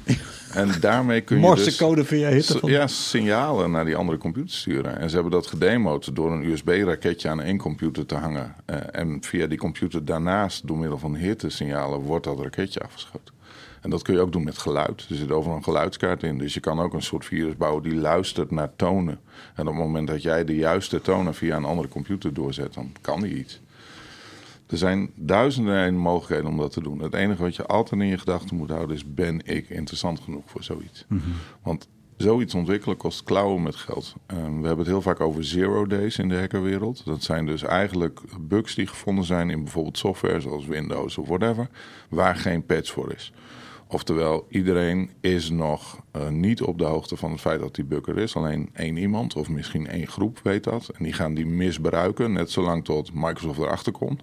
En dan zullen zij een patch uitbrengen. En dan krijg je op dinsdag weer zo'n hele rits met fixes. Waaronder uh, het fixen van dat ene probleem.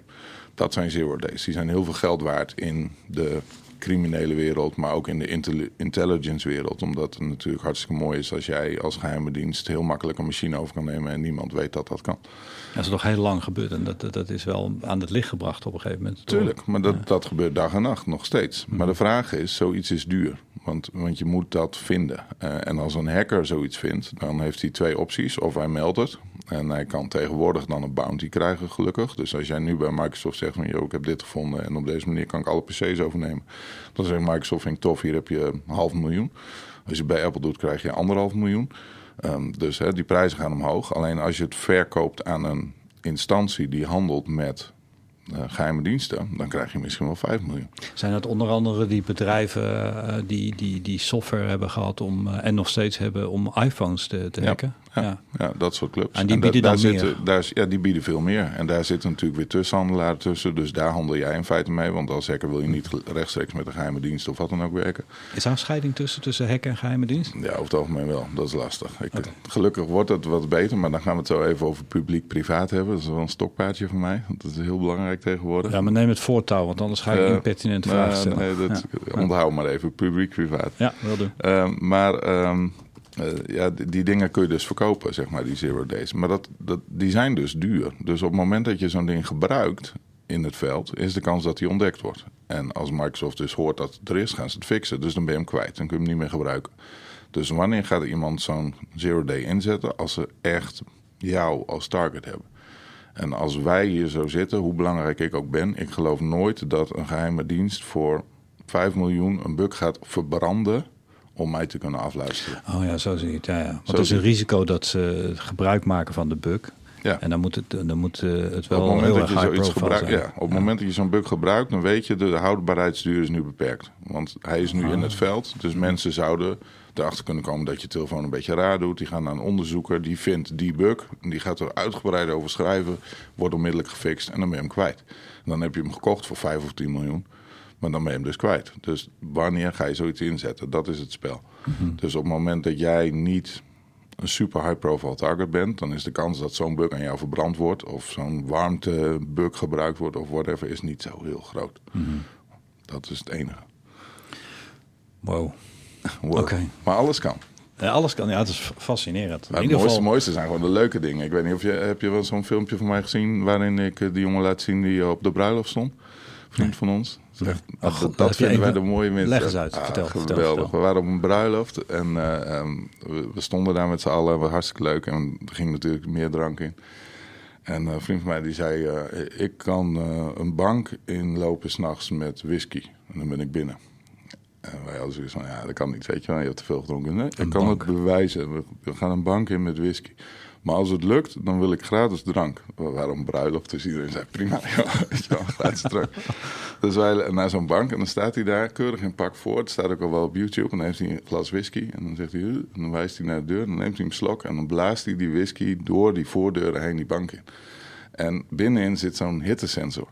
Die hittesensor valt op het moment dat jij naar buiten loopt, krijgt hij een signaal en gaan die deuren open. Op het moment dat jij drank naar binnen spuit, dan heb je dus een mini-hittesignaaltje, want die drank verdampt in de lucht en gaan de deuren open. Dus dan zie je hem echt zo voor die bank staan. En dan gaan de deuren open en dan gratis drank. En dan loopt hij weer weg. nou, maar dat soort dingen, dat, dat is echt briljant. Dat vind ik het mooie van Hek. Dan gebruik je gewoon weer iets, weet je wel, op een manier waar het niet voor bedoeld is, in dit geval whisky, om ergens naar binnen te komen. En je kan het ook doen met uh, vape smoke, weet je wel. Kun je ook roken naar binnen blazen, waardoor een soort bewegingssensor afgaat en dan gaan we weer een deur open. Dat zijn de leuke dingen om te doen. Ja, heerlijk. Oh man, dit is leuk. Oké, terug. Dus we hebben, we hebben, nee, nee, niet sorry. we hebben heel veel apparaten die gekoppeld gaan worden. En in, in onze wereld leven we nu in de, in de wereld dat, dat we richting. Ehm, nou, we hebben natuurlijk. We zijn van IP4 naar IP6 gegaan. Dat oh, was dat maar zo? Oh, dat is nog steeds niet zo? Oh, nee. Nou, in ieder geval IP4 zijn die vier cijfertjes die iedereen kent... die je dan uh, moet, moet intikken of een uh, routertje doet dat. Maar dat, daar zit een beperkt aantal uh, ja, mogelijkheden in. Dus ja. met, met de Internet of Things onder andere, krijg je steeds meer apparaten die een uniek adresje dus ook moeten hebben om met elkaar te kunnen babbelen. Ja. En uh, nou, daar is dan uh, als, als opzet misschien IP6 gekomen met, met zes, uh, zes posities. Maar waar ik ook naartoe wil is het feit dat als je heel veel apparaten hebt, heb je dus heel veel software in die apparaten, heel veel hardware in die apparaten. En op een gegeven moment zijn het gewoon zoveel apparaten dat het aantal fouten gewoon toe gaat nemen. Want ik, dat dacht ik ooit eens ergens gelezen had, dat, dat er een programmeur van, bin, van Microsoft één programmeerfout per duizend regels maakt. En dat, dat een van de Microsoft Windows versies 20 of 40 miljoen regels was, een oude versie. Dus daar zitten veel fouten in, dat is logisch. Ja. Maar als je zoveel apparaten hebt die met elkaar praten, dan heb je dus al heel gauw kans dat een aantal van die fouten ervoor kunnen zorgen dat je eigen privacy thuis minder gewaarborgd is. Nou ja, überhaupt het, het feit dat je over IoT begint. Internet Ehm, over Things. Eh, Internet, of Things. Ehm, wat, wat je ziet, de grootste vijand, zeg ik wel eens, voor ons als mens, is ehm, time to market. En dat klinkt misschien een beetje raar, maar wat je ziet is, ehm, iemand heeft een idee. Eh, ik ga een nieuw kastje ontwikkelen en die kan dit of dat. Eh, en kan je koppelen aan je wifi, aan je telefoon en dan regelt hij dit. Nou, bijvoorbeeld zo'n Google Box of whatever. Uh, op het moment dat iemand dat idee heeft, kan hij het niet zelf uitvoeren. Dus gaat hij naar een investeerder. En hij legt het idee uit. En die investeerder zegt, geweldig, gaan we doen. Maar moet nu. Want ik wil de eerste zijn op de markt met dit. Dus wat gebeurt er dan? Dan wordt er ergens een prototype gepakt. En dan worden er vanuit de kast oude Linux kernels gepakt. Alle chips die je kan vinden, worden op elkaar geklikt. Werkt, mooi. 2 miljoen apparaten gaan we daarvan maken. En die gaan nu de hele wereld over. Nou, dan heb je 2 miljoen apparaten overal in de wereld. En dan is er misschien iemand die zegt: hoe gaan we dit eigenlijk veilig krijgen? Of hoe gaan we dit überhaupt updaten? En dat gebeurt niet. En dat gebeurt veel te laat. Security wordt altijd achteraf toegevoegd. Terwijl het vanaf het begin mee zou moeten om te zorgen dat het veilig is. En natuurlijk zijn er ook apparaten die wel veilig zijn. Maar heel veel van die apparaten zijn gewoon veel te snel de markt opgegooid. Omdat je de eerste wil zijn die dit apparaat op de markt heeft. Zodat je een geweldige marktpositie hebt. En die dingen zijn allemaal zo lekker als een mandje. En voor een hacker is het super makkelijk om dan gewoon naar binnen te wandelen. Want er zitten zoveel fouten. Of in jouw kernels, of in het wifi-signaal, of in wat hij ook maar gebruikt. En dan ben je binnen. En op het moment dat jij een kastje gekoppeld hebt aan jouw netwerk, ben ik gewoon in jouw netwerk. Ik heb een vermoeden. ehm, rechts van je staat een eh, humidifier. Ja. Dat, dat, dat vinden we gewoon een lekker luchtje. Alleen helaas zeg ik dan, er zit, er zit wifi in. in dat, Ja. eh, ik zal hem even laten zien op camera.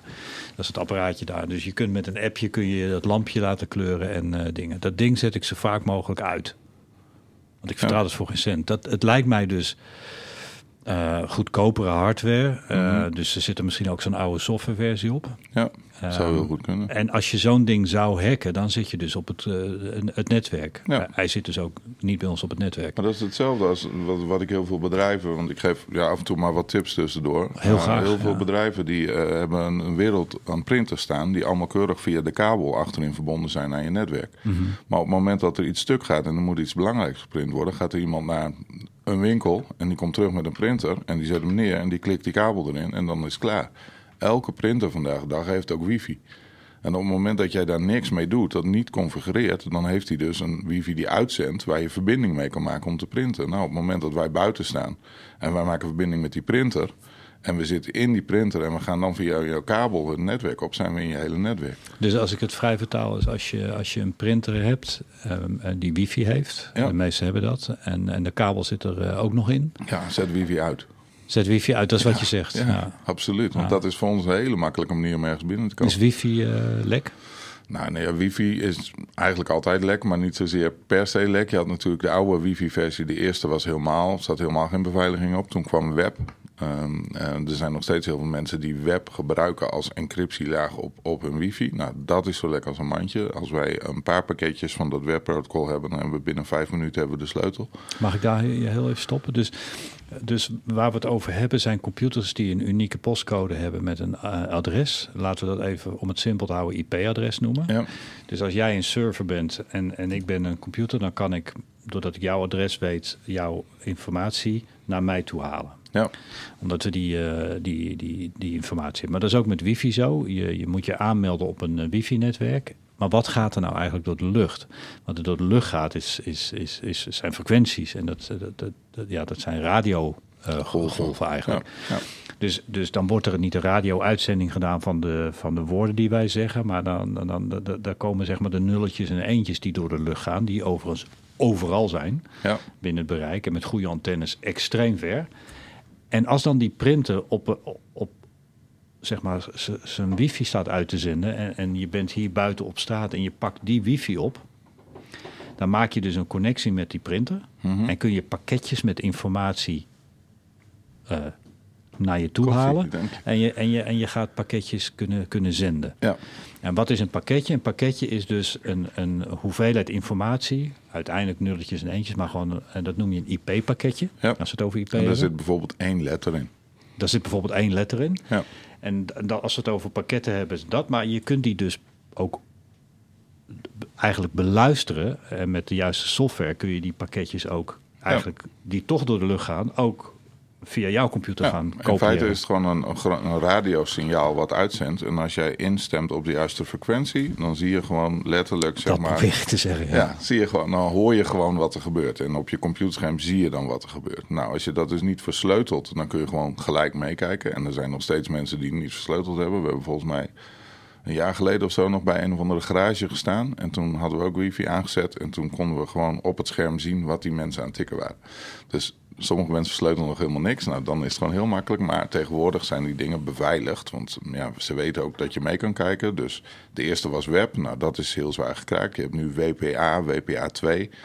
WPA 3. WPA 3. Ik zeg niet dat het veilig is, want er zijn alweer uiteraard altijd onderzoekers bezig om dat dan ook weer te kraken. Maar het is in elk geval een stuk veiliger als de rest, zeg maar. Op jouw analogie doorgaand, hè? Dus het is, dus eigenlijk een radio-uitzending die wordt in dit geval door de printer wordt, uh, wordt uitgezonden. Ja, ja. En dan kun je natuurlijk je, je, je radiootje op intunen, dan kun je meeluisteren. Ja, en, en praten, dat is het verschil dan. Je kan ook terugpraten. En je kunt terugpraten. Ja. Maar beveiliging houdt dus in dat dat die stukjes informatie geencrypt ge, zijn. Ja, is dat het? Dus eigenlijk wat je vroeger had je filmnet. Dan moest je een filmnetkastje hebben om filmnet te kunnen kijken. Maar je kon wel afstemmen op het filmnetkanaal, maar je zag eigenlijk niks. Je zag allemaal blokjes. Nou, dat is de versleuteling, zeg maar. Aha. En op het moment dat je dan het juiste kastje ertussen zet, of de juiste sleutel hebt in dit geval, dan is het in één keer leesbaar. En wordt dan elk IP-pakketje wordt versleuteld met diezelfde sleutel. Ja, dus continu wordt het. Uh, en die sleutels zijn weer verschillend per computer ook. Dus je maakt eigenlijk met je computer een verbinding met een, een, eh, een wachtwoord. Een tunneltje. En dan wordt er een versleuteling opgezet tussen jouw computer en dat kastje. En dan krijg je eigenlijk je eigen versleuteling. Hm. Zo moet je het eigenlijk zien. Oké, dus, dus de eerste hele duidelijke tip over wifi is al... als je wifi kan uitzetten, zet wifi uit. Nou ja, dat zou ik niet zeggen, want iedereen heeft wifi. Maar je moet wel nadenken over wat je doet met wifi. Kijk, als je wifi niet nodig hebt en je hebt gewoon een kastje wat wifi uitstraalt... maar je doet er helemaal niks mee, dan, dan zet het uit. Op het moment dat jij gewoon thuis wifi gebruikt, zul je het zeker nodig hebben. Mhm. Maar dan zijn er nog steeds wel een paar dingen waar je over na moet denken. Je moet bijvoorbeeld over nadenken, um, wat ik heel vaak nog steeds zie... Uh, heel veel mensen krijgen wifi van een kabelprovider. Mm dat wifi-kastje komt keurig in een doos en daar staat dan keurig achterop een heel moeilijk wachtwoord. En dat is het wachtwoord voor je wifi.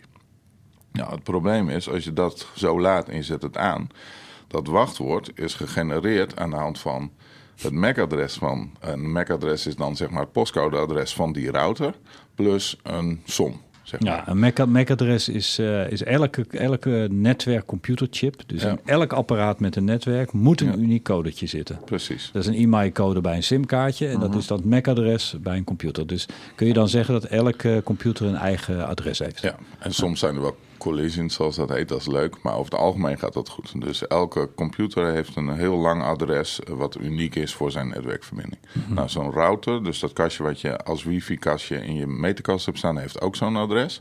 En dat wachtwoord wat er achterop staat, is gegenereerd in de fabriek. En dat gaat gewoon op dezelfde manier. Het is niet zo dat ze daar wat nieuws voor verzinnen. Dus zij zien een MAC-adres, nou, dan doen ze een som eroverheen... en dan heb je een heel mooi, moeilijk wifi-wachtwoord. Wij weten dat ondertussen ook.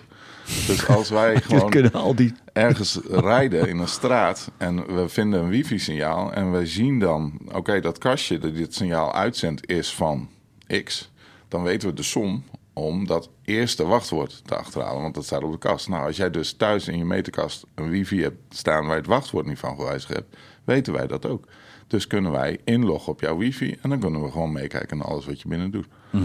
Dus tip ook altijd, als je dat nog hebt, verander alsjeblieft dat wifi-wachtwoord op dat kastje. En dan gaan we het over wachtwoorden hebben. En, eh, ik had toevallig met je collega er net nog even over. Gisteren is er weer een, een grote database gelekt met allerlei wachtwoorden en gebruikersnamen, et cetera. En dan zien we echt tot onze grote, grote ontzetting dat daar bedrijven tussen zitten die verantwoordelijk zijn voor militaire communicatieoplossingen. En dat de CEO van dat bedrijf als wachtwoord heeft de bedrijfsnaam met een uitroepteken erachter. Dat werkt niet. Dat, dat is echt gewoon een drama. Als je een wachtwoord wil hebben, zorg dan dat je punt 1 een lang wachtwoord hebt. Eh, als we het over, je had het net over GPU's die je gebruikt voor eh, videokaarten. Zeg maar. Wij gebruiken ook GPU's, maar we gebruiken ze niet voor videokaarten. Niet als spelcomputer. Wij hebben computers staan en er zitten acht van die kaarten in. Acht GPU's in één computer. Waarom? Ze kunnen heel snel rekenen. Dus wat wij gaan doen is, wij gaan naar een wifi-netwerk. Wij eh, gaan daar een tijdje staan. Wij vangen al die pakketjes af en die zijn versleuteld, kunnen we niks mee. Maar dan gaan we terug naar die computer met die acht GPU's, die rekenkrachten. Daar zetten we dat in. En dan laten wij hem rekenen wat zou het wachtwoord kunnen zijn. Dus die begint gewoon proberen te kraken. En dat kan hij heel snel, want hij heeft acht GPU's, dus hij kan heel snel rekenen. Als jij een wifi-wachtwoord hebt van zes karakters, duurt dat ongeveer een uur Dus- voordat we hem hebben. Dus vrij vertaald, binnen een uur kun je een wachtwoord van zes karakters. kraken van een wifi-netwerk. Op het moment dat je zeven karakters hebt, duurt het al anderhalve dag. Op het moment dat jij acht karakters hebt, duurt het al anderhalve week. Dus probeer, als je een wachtwoord hebt, probeer dat lang te maken. En eh, dat geldt ook voor webwachtwoorden, voor dingen die heel belangrijk zijn. Probeer dat gewoon lang te maken. En het hoeft niet moeilijk te zijn. Eh, wij proberen natuurlijk ook aanvallen te doen met woordenlijsten. Dus dan gaan we gewoon het hele woordenboek tegen jouw eh, ding aangooien. Alle- dus als alle jij een namen van wachtwoord honden hebt, en namen van honden, dat doen we allemaal. Kinderen. Maar als jij een wachtwoord hebt van eh, ik ben hier aan het werk, aan elkaar, is dat voor ons niet meer te kraken. Want dat duurt veel te lang. Het aantal karakters is veel te lang. Dus als we brute force moeten doen, dat houdt in letter voor letter, dan zijn we gewoon twee jaar bezig om dat te kraken met de huidige technologie.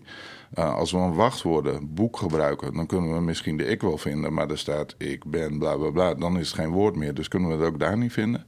We kunnen het niet met combinaties gaan doen, dus dan heb je eigenlijk een heel veilig wachtwoord. Het is lang, maar het is ook heel makkelijk te onthouden. Want het is gewoon een zin. Dat zijn dingen die heel belangrijk zijn. Als je je wil beveiligen. tip. Ja, Ja. ja. Dus lang, veel karakters. Veel karakters en het maakt niet uit of er nou, ja, natuurlijk de bedrijven vragen, er moet een uitroepteken in of een nummer of whatever. Maar als je gewoon een kort wachtwoord hebt met een cijfer en een letter erin en een uitroepteken, ja, dan vinden we het nog steeds heel makkelijk. De meest gebruikte wachtwoord nog steeds 1, 2, 3, 4, 5. Ja, heel vaak. Of welkom 1, 2, 3. Zien we Welkom ook- 1, 2, 3. zien we altijd. Admin, van, admin 1. Ja, ja. Pi, Raspberry, Raspberry ja, Pi. alles. Ja, maar ook nog steeds God, sex, dat soort dingen worden ook nog steeds gebruikt. Ja. Ja. Het zijn echt heel veel standaard wachtwoorden. En ook als je, ja, dat is misschien weer een ander aflijntje, maar kijk, kijk eens naar de site Have I Been Pwned. Kijk daar gewoon eens naar. En dat is een site eh, waar je je e-mailadres in kan geven. En op het moment dat je dat gedaan hebt, zie je in welke breaches je zit. Oftewel, eh, LinkedIn is bijvoorbeeld in 2013 gekraakt. Al die wachtwoorden worden nog steeds gekraakt, maar er zijn gewoon heel veel bekend. Uh, als je daar naartoe gaat, zie jij in welke breach je zit. Dus dan zie je bijvoorbeeld LinkedIn zat je in, Adobe zat je in met je e-mailadres en nog één. Dan weet je, die wachtwoorden die je daar gebruikt hebt, moet je nergens en nooit meer gebruiken. Omdat iedereen, zeg maar, um, toegang heeft tot die wachtwoorden op dit moment. Is dat, uh, ja, is, dat, is, is dat deze? Die ja. zal ik even voortoveren. Ik denk dat ik het wel mag, hè, een website laten zien uh, in de podcast. Voor mij wel. en ik ken de eigenaar van deze, dus die mag het ook. Oké, check. Dus hier, hier vul je e-mailadres in? Hier vul je e-mailadres in en dan zie je gewoon, krijg je een lijst van... nou, jouw e-mailadres kwam nergens voor. Super, hartstikke goed. Er is geen enkele server gekraakt waar jij geregistreerd was... maar 9 van de 10 keer staan er vijf servers waar jij ooit een keer op aangemeld bent. uh, en waar jouw, uh, zeg maar, jouw wachtwoord hoeft dan niet gekraakt te zijn. Dat kan, als jij een heel lang wachtwoord hebt, dan kan het zijn dat hij um, wel ertussen zit, maar dan versleuteld. Uh, maar dan weet je in elk geval dat wachtwoord wat ik daar gebruikt heb, moet ik gewoon nergens weer gebruiken. Nooit meer. Nooit meer. Nee. nee want dat is zo makkelijk. En ook in zulke lijsten zien we heel vaak van die wachtwoorden van, uh, nou, uh, hondennaam plus jaartal 2013. Mm. Nou, grote kans dat dat nu 2020 is. Weet je wel? Nou, dan probeer je dat en dan ben je weer binnen met iemand. We hebben het ooit met BNR gedaan. BNR heeft uh, ooit gevraagd of wij tijdens een privacy week hun um, uh, speakers, zeg maar hun host, radiohost, wouden hacken in vier uur tijd en kijken wat we over ze konden vinden. En er zaten Petra Grijze zat er toen nog en Thomas van Groningen, die zit er nog steeds. Uh, en over Petra konden we eigenlijk helemaal niks vinden. Dat was echt geweldig praat trouwens. Dus wij vonden alleen maar dat zo'n man had, twee kinderen, et cetera. En dat was Facebook en voor de rest vonden we helemaal niks over Dus we kwamen daar en legden uit van nou, je hebt het heel goed gedaan, ik kan niks vinden over jou. Ik zeg, ik weet alleen dat je man Erik heet, ik, zeg, weet niet meer. En je kinderen Pietje en Jantje. En zegt ze, hoe weet je dat? Ik zeg, nou, dat staat gewoon op je Facebookpagina. Ik heb helemaal geen Facebook. En toen zag je iemand achter het glas zo wegtrekken, want het bleek dat BNR voor al hun presentatoren een Facebookpagina had aangemaakt. Dat was niet zo leuk.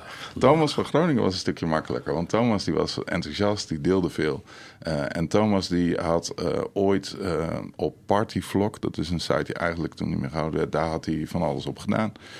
en nou, die wachtwoorden waren gelekt, dus we konden inloggen op Thomas' account Partyvlog. En daar stonden dan weer recovery vragen in. En die recovery vragen zijn dan, nou wat is de achternaam van je moeder, wat was je eerste school? Nou met die informatie konden we bijvoorbeeld Google weer in.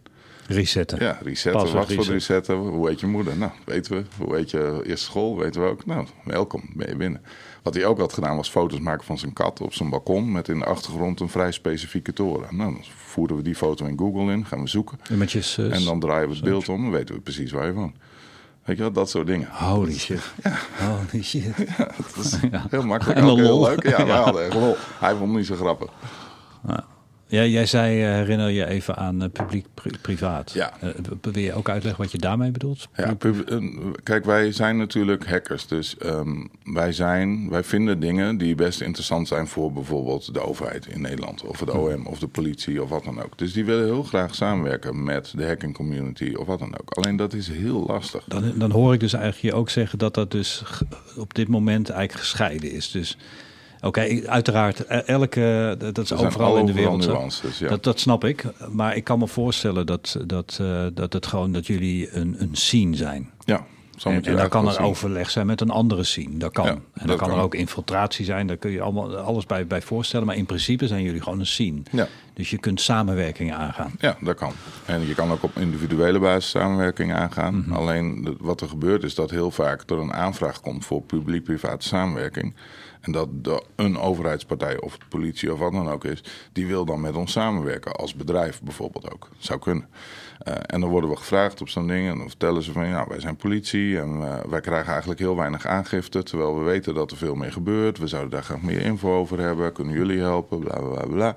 Maar het woord samenwerking missen ze. Want uiteindelijk is de vraag alleen maar: geef ons data.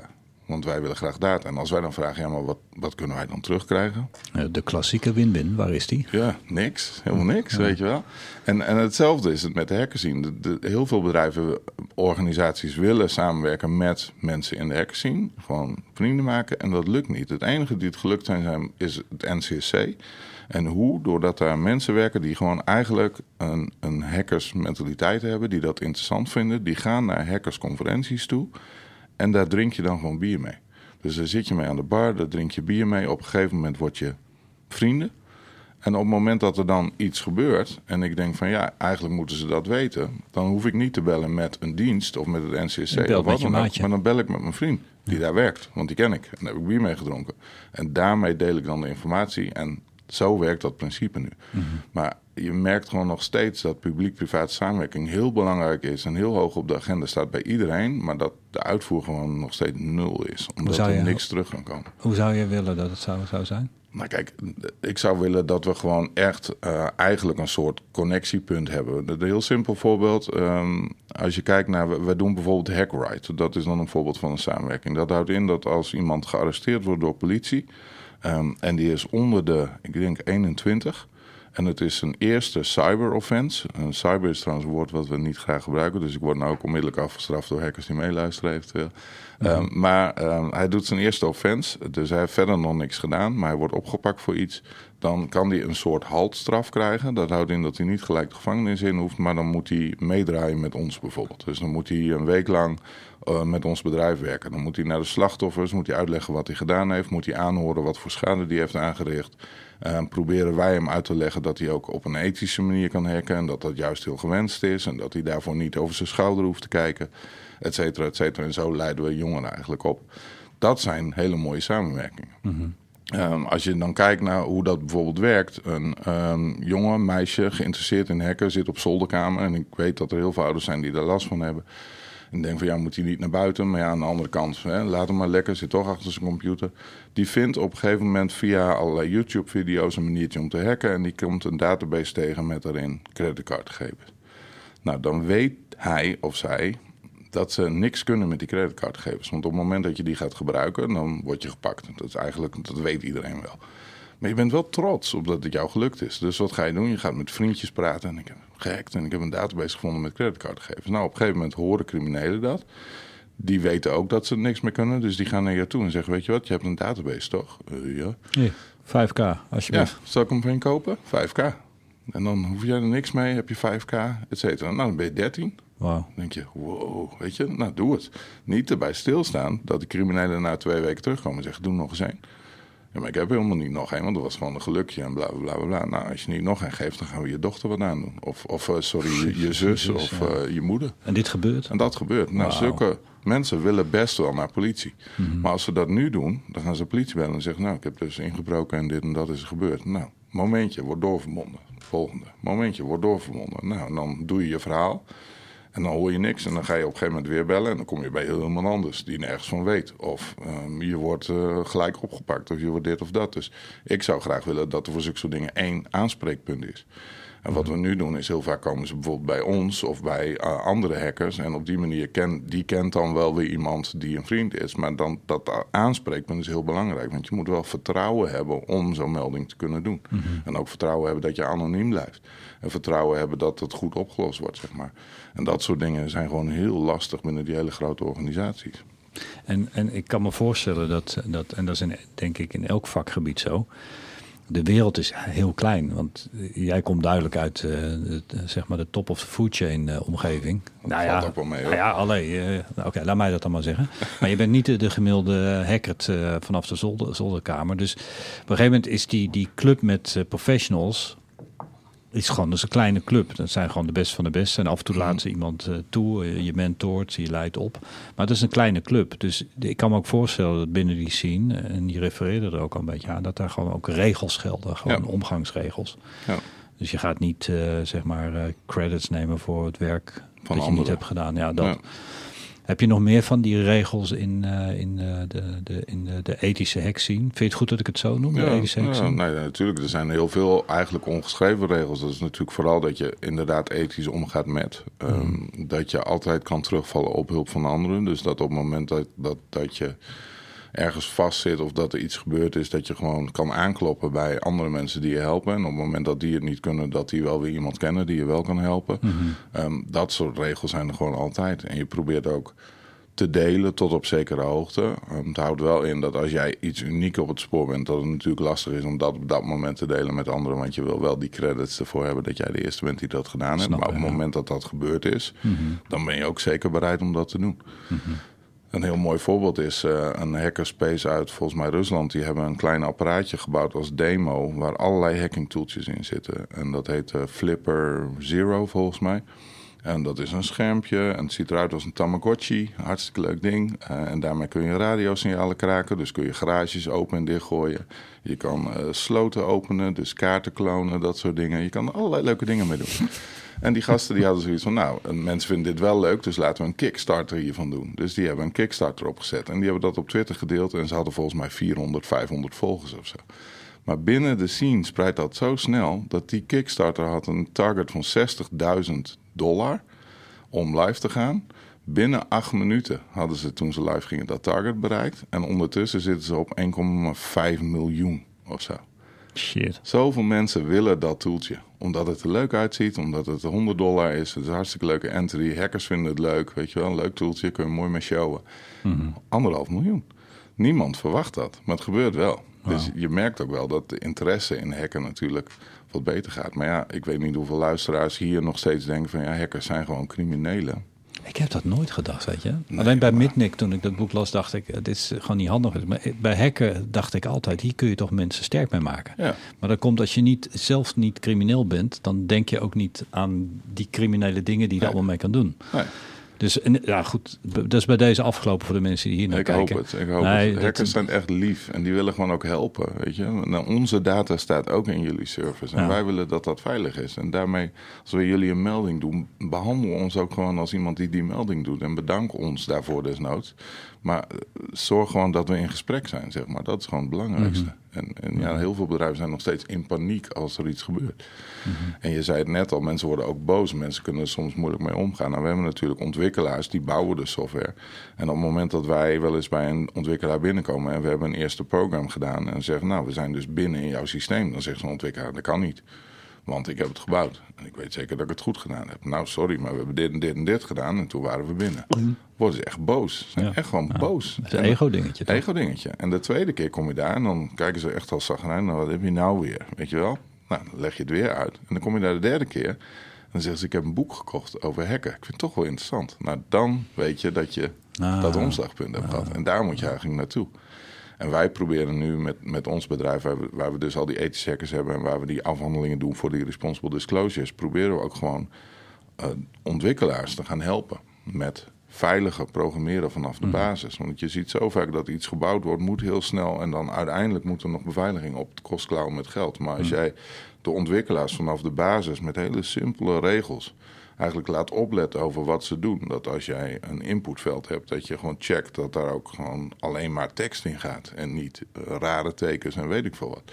Als je dat soort dingen mee kan nemen, dan weten die programmeurs al dat ze een stuk veiliger zijn. En natuurlijk hou je dan nog heel veel fouten over. Want als je gemiddeld kijkt, 50% van alle fouten die gemaakt worden zijn fouten die een ontwikkelaar maakt misschien. Bij het programmeren? Bij het programmeren. Maar je mhm. hebt ook nog 50% logische fouten. Mhm. En dat zijn bedrijfsfouten. Weet je, dat zijn niet eens zozeer omdat een programmeur een fout heeft gedaan, maar dat om in het proces zeg maar iets te bypassen is of iets anders te mhm. gebruiken is. Nou, dat soort dingen zul je altijd hackers voor nodig hebben. Nou, daar kun je ons perfect voor inzetten om dat soort dingen te vinden. Maar doe dat dan ook. Weet je wel. Probeer gewoon te zorgen dat je in het begin, in die ontwikkeling, dat je daar al test, dat je daar je security doet. Want dan ben je aan het eind veel goedkoper uit. Omdat je basis gewoon goed is. Dat is één en uh, dat is niks zo moeilijk als een kapot imago weer terugkrijgen. Dat wat er is gebeurd met, met, met, met Zoom, of het nou wel of niet terecht was. Wij zijn een fan van, van Zoom. Ja ten opzichte van Microsoft Teams. Maar veel bedrijven waarmee werken, die hebben Zoom er massaal uitgekikt. Ja. Dus dat heeft een enorme schade gegeven. Uh, het, echte verhaal ken ik niet. Ik kan me voorstellen dat het ook mogelijk zou zijn dat een concurrent er dan iets over gaat vertellen wat misschien niet waar is. Maar even los ervan. Ik heb jullie in ieder geval mijn hele leven al super hoog zitten. Want ik weet van het bestaan van hackers al heel, heel lang. En ik, ik heb jullie super hoog zitten. En dat is ook een van de redenen waarom ik tof vind dat jij hier bent. New Life University een platform voor persoonlijke ontwikkeling. Een platform waar we veel meer voor je kunnen betekenen dan alleen deze podcast. Wij willen mensen helpen een sterke verbetering van hun leven te realiseren. En dat kan zowel op privé als zakelijk vlak zijn. Ik denk dat mensen tot veel meer in staat zijn. Maar we hebben niet de gebruiksaanwijzing gekregen bij onze geboorte hoe we het beste uit onszelf halen. Een opleiding waar we het hebben over succes, geluk, hoe kom je erachter wat je precies wilt Hoe verbeter je je relatie? Hoe krijg je er een? Hoe krijg je meer rust en balans? Hoe versnel je je carrière? Maar ook, hoe krijg je nog krachtigere communicatieve skills? En als je al deze dingen bij elkaar optelt, dan heb je een beschrijving van de opleiding die ervoor zorgt dat je het maximale uit jezelf haalt.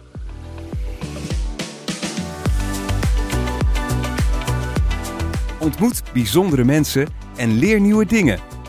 Update je body, mind, spirit en skills in onze gratis kennismakingsworkshop. Ga nu naar newlifeuniversity.com/workshop. Ik ben geschrokken van iets. Oké. Ehm, er zijn periodes waar ik het heel druk heb en er zijn periodes waar ik het minder druk heb. En in die minder drukke periodes doe ik heel veel research. En dat, dat is meestal hoe het brein werkt en, en de nieuwe psychologie, gedragsverandering, hoe je mensen kan helpen om meer zelfvertrouwen te krijgen. Dat zit in dat vakgebied. De andere is die oude liefde, computers. Mhm. Dus uh, op een, uh, ik denk dat dat twee jaar geleden is of zo, eh, op een, uh, op een dag in de, in de vakantie ben ik een beetje aan het zoeken gegaan. Toen heb ik Kali Linux gevonden. Mm Kali Linux gedownload. En dat is eigenlijk uh, zoals je DOS uh, hebt, had uh, en Windows hebt en Mac OS hebt, zo heb je ook Linux. En Linux is eigenlijk een, een, een no, misschien nog wel mooiere vorm van, van Unix, waar, wat het vroeger was. En Linux is eigenlijk door een hele community gebouwd en nog steeds. Dus daardoor ook, ook heel goed en veilig en heel uitgebreid. Maar Kali Linux, oké, check. Ik zie je, oké. In ieder geval, uh, ja, bij jullie is niets veilig, man. Nou, nou, maar in ieder geval, Kali, Kali Linux kon ik gewoon downloaden. Ja. Het was een lange download, een uurtje moeten wachten. Um, ik heb hem geïnstalleerd op een, uh, op een USB-stick in mijn computer ge, gedrukt. En ik start dat en ik dacht, oh my god. Daar zit zo, zitten zoveel tools in hoe je een, een, een schijfje kan formateren. Nou ja, dat heb ik ook in mijn macOS. Maar ook hoe je, hoe je gewoon uh, uh, uh, wachtwoorden moet brute. Daar, daar zit 300 tot 400 programma's standaard in. Sommige moet je dan een licentie verkopen voor de, voor de echte shit. Maar er waren zoveel programma's dat ik mezelf heb gehackt. Ik heb mijn eigen wifi-netwerk gehackt. Mm -hmm. En toen dacht ik, fuck, dit is niet cool. Het is gewoon down te loaden. Ja. Ik heb toen een keer met, met medeweten en, en consensus van uh, de, de opleiding die ik uh, geef, uh, um, zaten we met een man of twintig, heb ik een, een, een wifi-antenne neergezet. Ik heb gezegd, nou, ik ga nu even, even opvangen wat er allemaal gebeurt. Ja. En toen kon ik gewoon zien waar mensen waren. Dat had ik op het scherm geprojecteerd. Dus ik kon gewoon zien, die is bij dat hotel geweest, die is bij dat hotel geweest. Oh, die heeft daar uh, aanloggegevens uh, uitgewisseld. Want die apparaten die zeggen, hey, ik ben een computer, ik ben dat apparaat, zo heet ik. en kan ik iets met je doen? En de routers zeggen, hallo, ik ben een router en ik heb een DHCP-server. Ik geef IP-adresjes uit, dat heb je nodig. En ja. dan onthoud ik jouw MAC-adres. Lang verhaal kort. Ik ben echt geschrokken. Ja. Ik ben ermee aan de gang gegaan. Ik heb er me de weken in verdiept. Maar ik ben het ergens verloren uh, in, in de tijd dat, dat C-programming kwam en al die dingen. Dus ik, ik, mis, ik mis een stuk. Dat stuk heb ik vertaald in de tijd geven aan mijn andere passie. Dat is menselijk brein. Mm -hmm. Dus het, het lukte me niet. Maar ik ben echt gruwelijk wakker geschud. Van hoe makkelijk het was om dingen te doen. Dat is één. Hoe makkelijk het is om dingen te doen. Ja. Maar waar ik nog meer van ben geschrokken is, en ik wist het, maar ik moest het gewoon een keer zien. Hoeveel informatie een device, van een telefoon tot en met een laptop, weggeeft zonder dat jij iets doet of ja. ermee bezig bent. Ja, dat is heel dat makkelijk. Is niet normaal. En dat komt gewoon omdat een, een apparaat wil verbinding maken. En wat jij en nou aangeeft, eens uit als je wil waarom dat dan zo... Nou ja, wat, wat er gebeurt is, jij gaat naar uh, een vliegveld uh, en je zit daar te wachten en je wil op je telefoon even verbinding maken, maar je hebt natuurlijk geen uh, 4G daar, want buitenland, whatever. Dus je kijkt even, nou, er is een wifi van het vliegveld, dan maak je verbinding. over het algemeen zijn dat open wifi's, vrije wifi's. Um, kan ook zijn dat er een wachtwoord in zit. Nou, um, dat heb je daar gedaan, dat heb je bij hotel gedaan, dat heb je bij de bar uh, waar je de Nederlandse kroketten kan halen gedaan. Uh, whatever. Uh, Jabium, als het leuk is, heb je dat misschien gedaan. Heb je allemaal verbinding meegemaakt. Op het moment dat jouw telefoon dan wifi aan heeft staan en eigenlijk geen verbinding heeft, dan gaat hij zoeken naar netwerken. Dus dan gaat hij zeggen: hey, oké, ik heb geen verbinding, maar ik ga toch eens even vragen: Hallo, is het vliegveld hier? Dus die zendt eigenlijk uit van hallo vliegveldrouter, ben jij in mijn buurt? Die pak ik even terug. Dus als je een keer in een, op een vliegveld bent geweest, je bent op Schiphol geweest. Ja.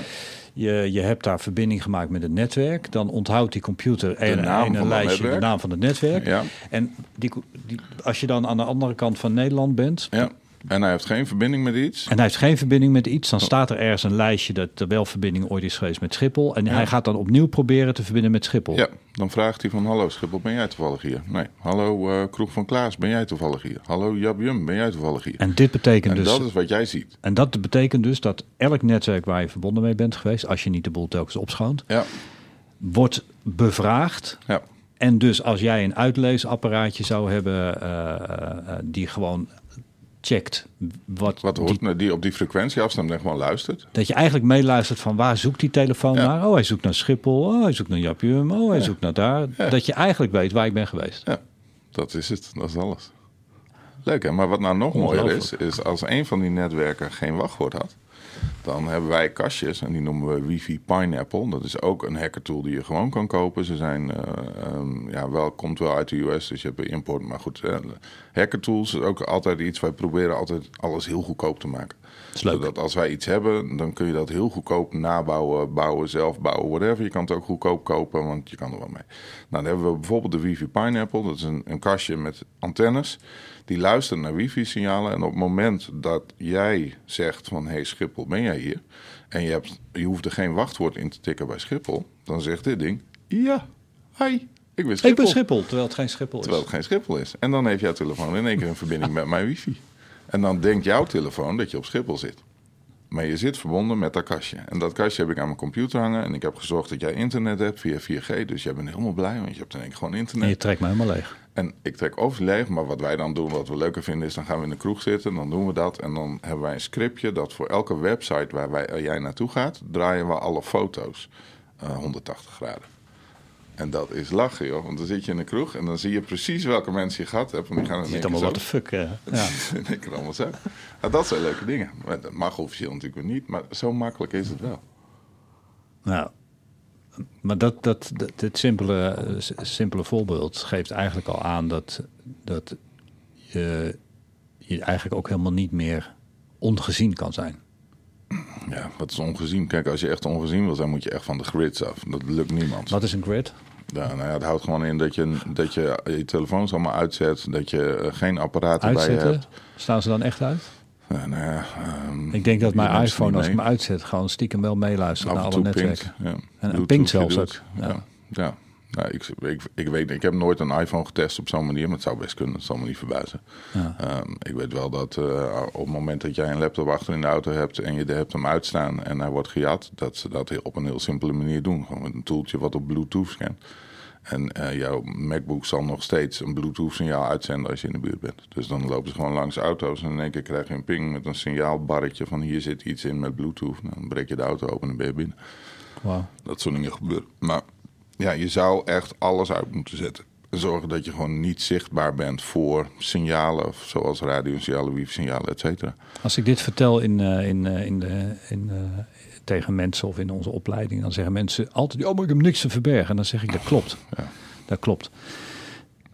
Laten we dan vanuit uitgaan dat ik dat geloof. Maar dan geef ik het volgende voorbeeld. En, en wil ik even aan jou toetsen of het voorbeeld klopt of niet klopt. Dan zeg ik ja, ik sta heel vaak eh, bij de McDonald's.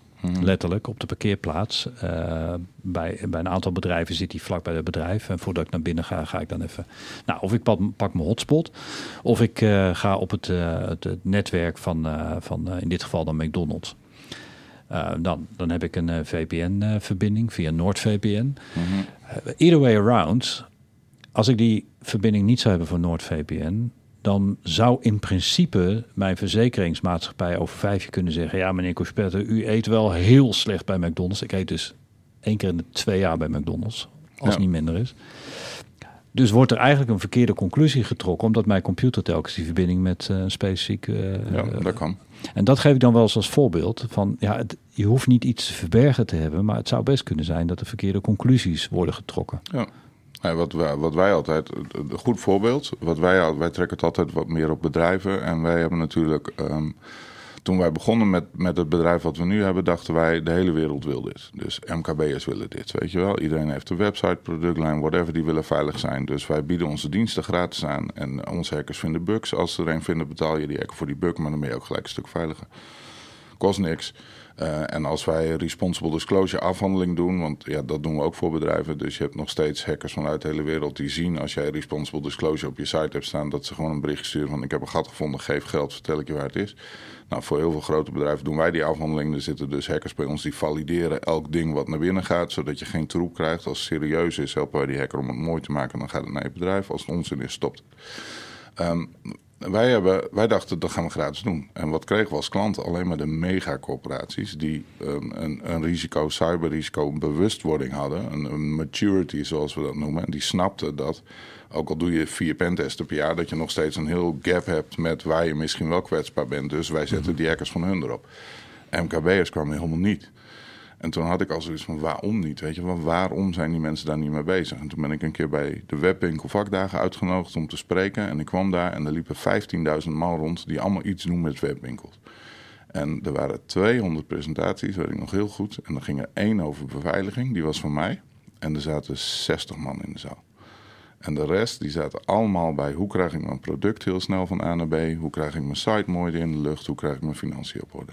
Het interesseerde ze gewoon helemaal niks. Mhm. En waarom niet? Omdat ze denken, ik ben niet interessant voor hackers. Dat is één. Um, wat wij dan altijd zeggen is, maakt niet uit of je interessant bent voor hackers. Het gaat erom dat jij een IP-adres hebt, oftewel dat je benaderbaar bent. En dan proberen we altijd een beetje analogie te doen. Dus dan zeggen we, stel nou je loopt als inbreker door een straat en je hebt vier deuren naast elkaar. En die eerste deur, daar zitten allemaal hele grote sloten op. Maar die tweede deur die staat op een kiertje. En wat doe je dan? Ga je dan heel moeilijk doen om al die sloten open te krijgen... of loop je dat tweede huis binnen? Je loopt het tweede huis binnen. Hmm. Op het moment dat je dan binnen bent, ga je wel kijken wat er allemaal staat. Of het interessant is of niet. Hmm. Dus op het moment dat jij een slager bent en je hebt een website... dan heb jij een deur. Je hebt een voordeur, je IP-adres. Op het moment dat iemand daar naar binnen komt en er is niks te zien dan zou het best kunnen dat jouw privéfoto's of zo nog wel te benaderen zijn. Nou, als ze die dan versleutelen met ransomware, zoals dat heet, dan plakken ze daar een keurig bedragje aan, namelijk 199 euro. En dan denk je van ja, ik heb al mijn privéfoto's zijn bijvoorbeeld weg. Of ik betaal 199 euro en ik krijg ze terug. Dat bedrag is net precies psychologisch uitgekiend een bedrag waarvan jij denkt van ja, dat is het net Op het moment dat die deur van een ziekenhuis was, dan wordt ook alles versleuteld, maar dan wordt de vraagprijs in één keer drie ton. Want dat is voor het ziekenhuis ook weer zo'n bedrag. Van ja, moet ik nou alles uitzetten, alles opnieuw gaan inrichten, backups terug gaan lezen, kost me 2 mhm. miljoen. Imagoschade. Als ik drie ton betaal, dan ben ik er vanaf. Weet je, zo, dat is hoe ze denken. En dan kan best zijn dat jij vindt dat je niet interessant bent, maar het gebeurt toch. Carmen heeft dat toch onlangs gehad? Ja, ja die hebben ook betaald. Oh, dat wist ik niet. Ik, ik, heb het verder niet gevolgd. Carmen heeft betaald. En ze, de, de discussie tussen de, uh, de criminelen die dat gedaan hebben en Garmin, die staat ook online, kun je nalezen. Het is een heel zakelijke discussie. Over een beetje bieden. Van nou, wij willen graag 3 eh, miljoen of zo. Ik weet niet hoeveel het was. Oké, nou wij bieden 2,5. Weet je wel. Dan komen we er samen uit. En dan oké, krijg je de sleutel en dan ontsleutel je. En voor die hackers is het ook, het is echt een businessmodel. Ze, ze leveren ook echt die sleutel aan jou om weer bij je bestanden te kunnen. Want als ze dat niet doen, dan gaat niemand meer betalen. Kunnen we een paar uitdagingen uh, en, en eh, voor zover je ze kan en wil zeggen, de, de, de, de, de, de, zeg maar de extra beschermingsmaatregelen geven? Dus wat je, wat je hebt is bijvoorbeeld een, een, een attack op, op wifi. Dat iemand bij jou op wifi inlogt. Nou, je hebt heel duidelijk gezegd, als je een wifi-routertje hebt, verander alsjeblieft het wachtwoord. Ja. En bij wachtwoorden, wachtwoord, exact, bij, lange, bij, bij wachtwoorden het liefst lang. Ja. Dat mag zelfs wel gewoon een Nederlandse zin zijn. Die kan onthouden als het maar lang is. Want hoe, hoe, meer letters en cijfers erbij komen, hoe, hoe, hoe, moeilijker het wordt om te kraken. Exponentieel moeilijker misschien het wordt in tijd om het te kraken. Uh, uh, dat. Dan heb je ons bewust gemaakt van de printers. Als daar wifi aan staat en er zit een kabel op, dan is dat een potentiële doorgang. Ja. Um, zijn er, nog, zijn er nog andere begrippen? Ja, die, die zijn er. Bijvoorbeeld, je had het over ransomware. De, Veel mensen hebben het daarover. Zou je alsjeblieft in jouw woorden kunnen uitleggen wat ransomware is? Wat je er tegen kan doen misschien? Nou, ransomware over het algemeen. Er zijn eigenlijk twee vormen van binnenkomen bij mensen. Ehm, de eerste is redelijk goed uh, tegen te houden. Dat is namelijk updaten. En dat is altijd heel irritant. Dat je winnaars weer komt met ik heb een nieuwe update. Klik hier en dat duurt dan weer een uur. Dus heel veel mensen klikken dat ding gewoon weg en, en wachten ermee. Nou, Windows doet dat niet voor niks. Een Mac doet dat ook niet voor niks. Er zijn gewoon fouten die gevonden worden. En op het moment dat ik op hetzelfde netwerk zit als jij en er zit zo'n fout in, kan ik misschien jouw computer overnemen en dan kan ik hem versleutelen. Um, gebeurt niet heel vaak dat het op die manier gaat, maar het zou kunnen. Dus mijn, mijn tip is ook altijd: elk apparaat wat je hebt, ook je router, update hem als er updates zijn. Dus kijk gewoon af en toe op dat wifi-ding, kijk naar wat voor type router heb ik. En, en druk op die update-knop om te zorgen dat. Dat doet toch ongeveer niemand. Ja, wij doen niemand. het hier, maar dat doet toch niemand? Nee, maar het zou wel moeten.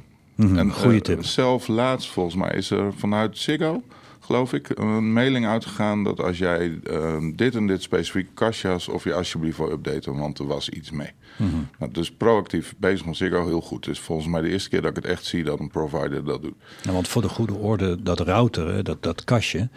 Ik heb in het begin, ook al zou ik beter moeten weten, heb ik niet beseft. Dat is helemaal lang geleden, bij de eerste modemkastje van Zon Internet. Ja. Een maatje van mij heeft zon internet opgezet. Die, die zat er bij Versatel. En toen had ik de eerste zon bij zon internet via nog een modem.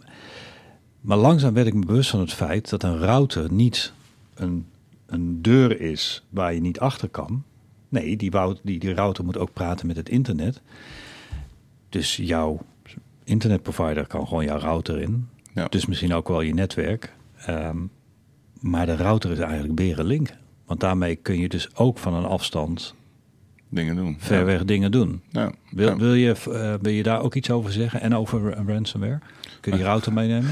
Uh, ja, je had het over updaten van je software, updaten van je router. Update ook die routers. Kijk, en over het algemeen, als jij een router hebt van een provider, is die redelijk goed afgesteld. Mm -hmm. houdt wel in dat je bijvoorbeeld nog andere dingen hebt. En dan is het misschien wel iets technisch, maar UPnP, ik weet niet of je dat wat zegt. Ja, dat maar is niet genoeg. Ik zit dan aan gamen te denken of aan het, maar ik weet niet wat het is. is eigenlijk een, een, protocol wat heel veel games en dat soort dingen gebruiken om op het internet te komen. en, mhm. en, sommige routers die zijn zo ingericht dat ze ook van binnen naar buiten niet alles toestaan. Mm en dat houdt in dat het dus lastig is voor zo'n game om alle data te krijgen. Dus als je dan UPnP aan hebt, dan opent hij eigenlijk een soort extra poorten op die router om lekker alle data in en uit te sluiten.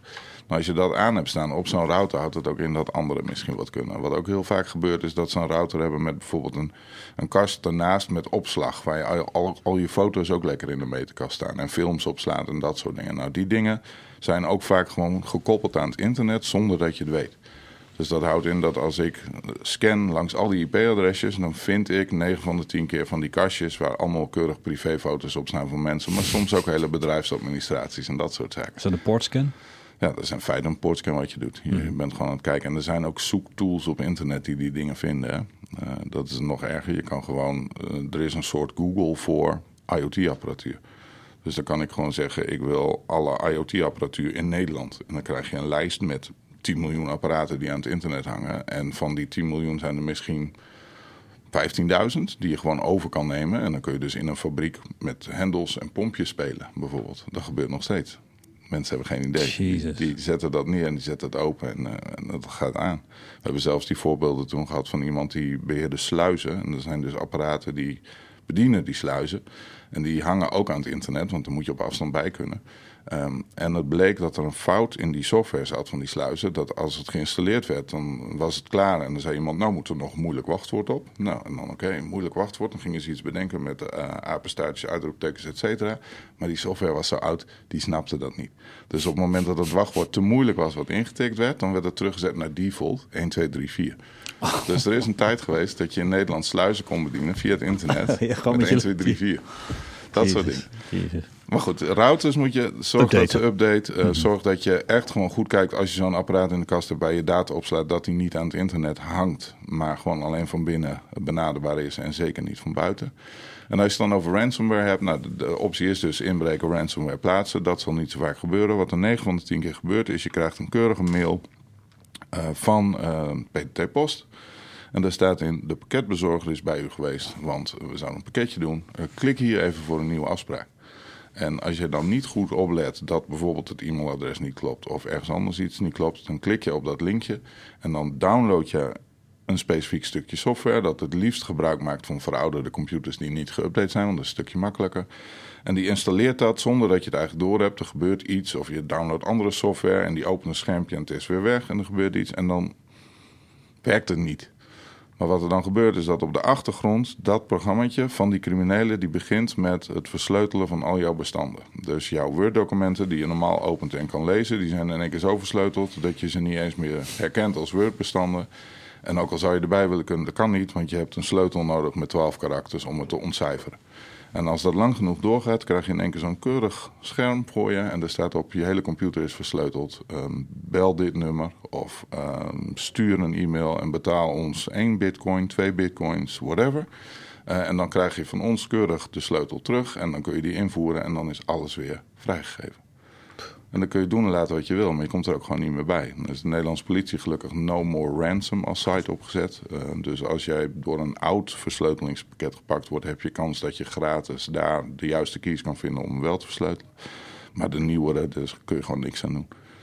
En tegenwoordig zijn ze ook alweer een slag verder gegaan. Uh, dat ze, uh, vroeger versleutelden ze op je schijf. Nou, de antivirusfabrikanten die hebben nou door dat dat gebeurt. Dus die letten daarop. Die, die houden zeg maar je gedrag in de gaten. Dus als er in één keer een programma gedownload wordt... die begint met versleutelen van dingen... dan heb je kans dat je antivirusprogramma probeert dat te stoppen in elk geval. Maar ze hebben nu een nieuwere variant. Die sturen het gewoon eerst naar het geheugen... En dan wordt het vanuit Windows versleuteld opgeslagen. Ja, dat ziet je antivirusprogramma niet meer. Wow. Dus dan ben je er ook weer vanaf. Jezus. Dus ja, het is, het is altijd een oorlog. Maar ja, op het moment dat dat dan helemaal versleuteld is, dan moet je gewoon betalen. En uh, ja, als je dat niet doet, dan ben je gewoon je data kwijt. Dus wat je dan kan doen, is je computer helemaal wipen, opnieuw installeren, hopen dat je een goede backup hebt en dat doen. Hmm. Uh, als je een bedrijf bent, 9 van de 10 keer is tegenwoordig de software van echte criminelen die dit doen als, als hun hoofdinkomen. Die is ook zo slim dat als ze binnen zijn, doen ze eerst niks. Dan blijven ze gewoon een week lang zitten. Er gebeurt er helemaal niks. En dan gaan ze rustig eens luisteren op dat netwerk. Wat, wat hoor ik allemaal? Welke servers komen langs? Komt daar een bestandsserver langs? Oké, okay, dan ga ik daar eens kijken. En dan hoppen ze voorzichtig naar die. En dan gaan ze eens kijken wat staat er op die bestandsserver. Nou, dus, hey, er zit een backup aan. Weet je wat? Dan gaan we eerst die hele backup versleutelen. En als dat klaar is. Nee, dit meen je niet. Ja, dan gaan we de rest van het netwerk versleutelen. Dus dan is op een gegeven moment plop, plop, plop al die computers uit. En dan denk je, versleuteling af. Vreselijk, ah. gelukkig hebben we de backup. En dan ga je naar de backup en die is ook versleuteld. En dan moet je wel. Is alles te hacken? Ja, uiteindelijk wel. Uh, op het moment dat je genoeg tijd, genoeg geld, genoeg middelen hebt, is alles teken. Betekent dat dus ook dat de geheime dienst alles kan? In theorie wel. Ja, in theorie en, zou alles sterker zijn. En zitten daar ook de beste hackers? Oh.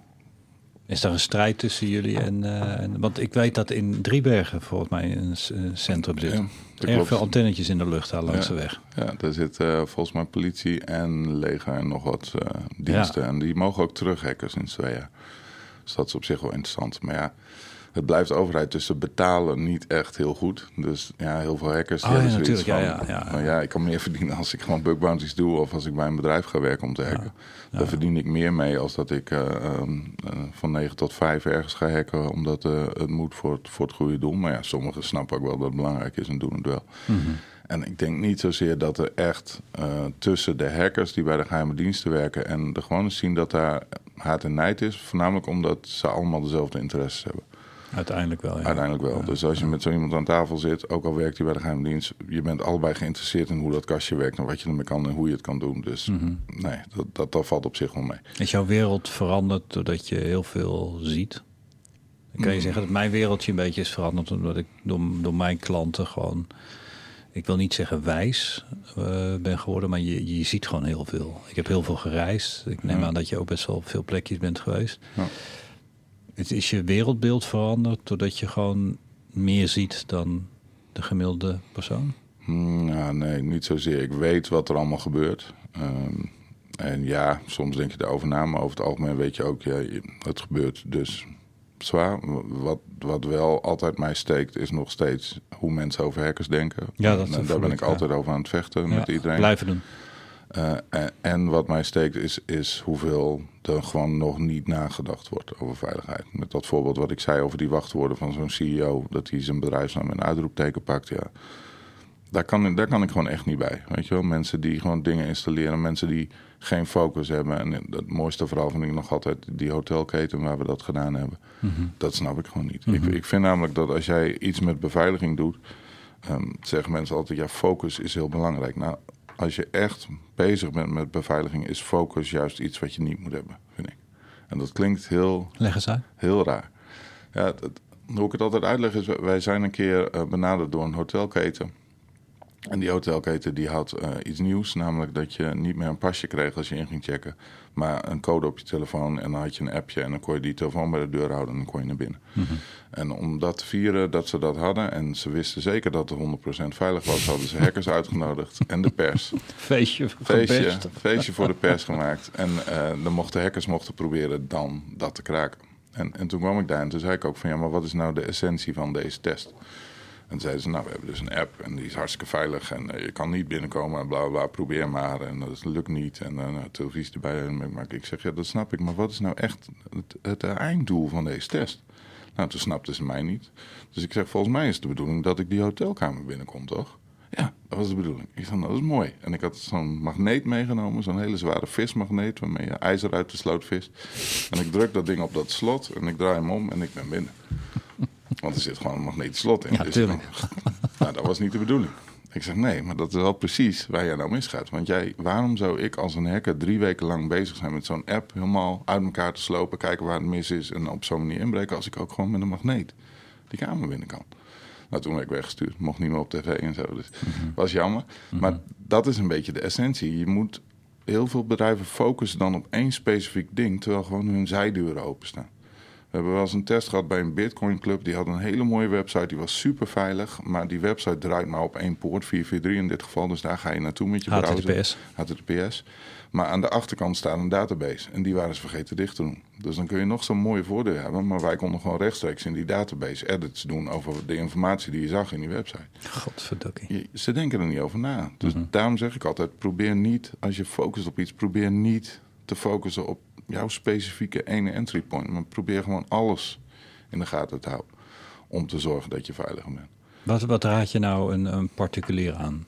En dan eh, beschrijf ik even de particulier. Dat is iemand die niet zoveel weet als jij en ik. Ja, Die wel van techniek houdt en ook fijn vindt om overal te kunnen googlen. En het ook misschien af en toe fijn vindt om Siri iets te vragen. ja, Ehm, wat, wat raad je nou de, de, de, ja de gemiddelde luisteraar aan?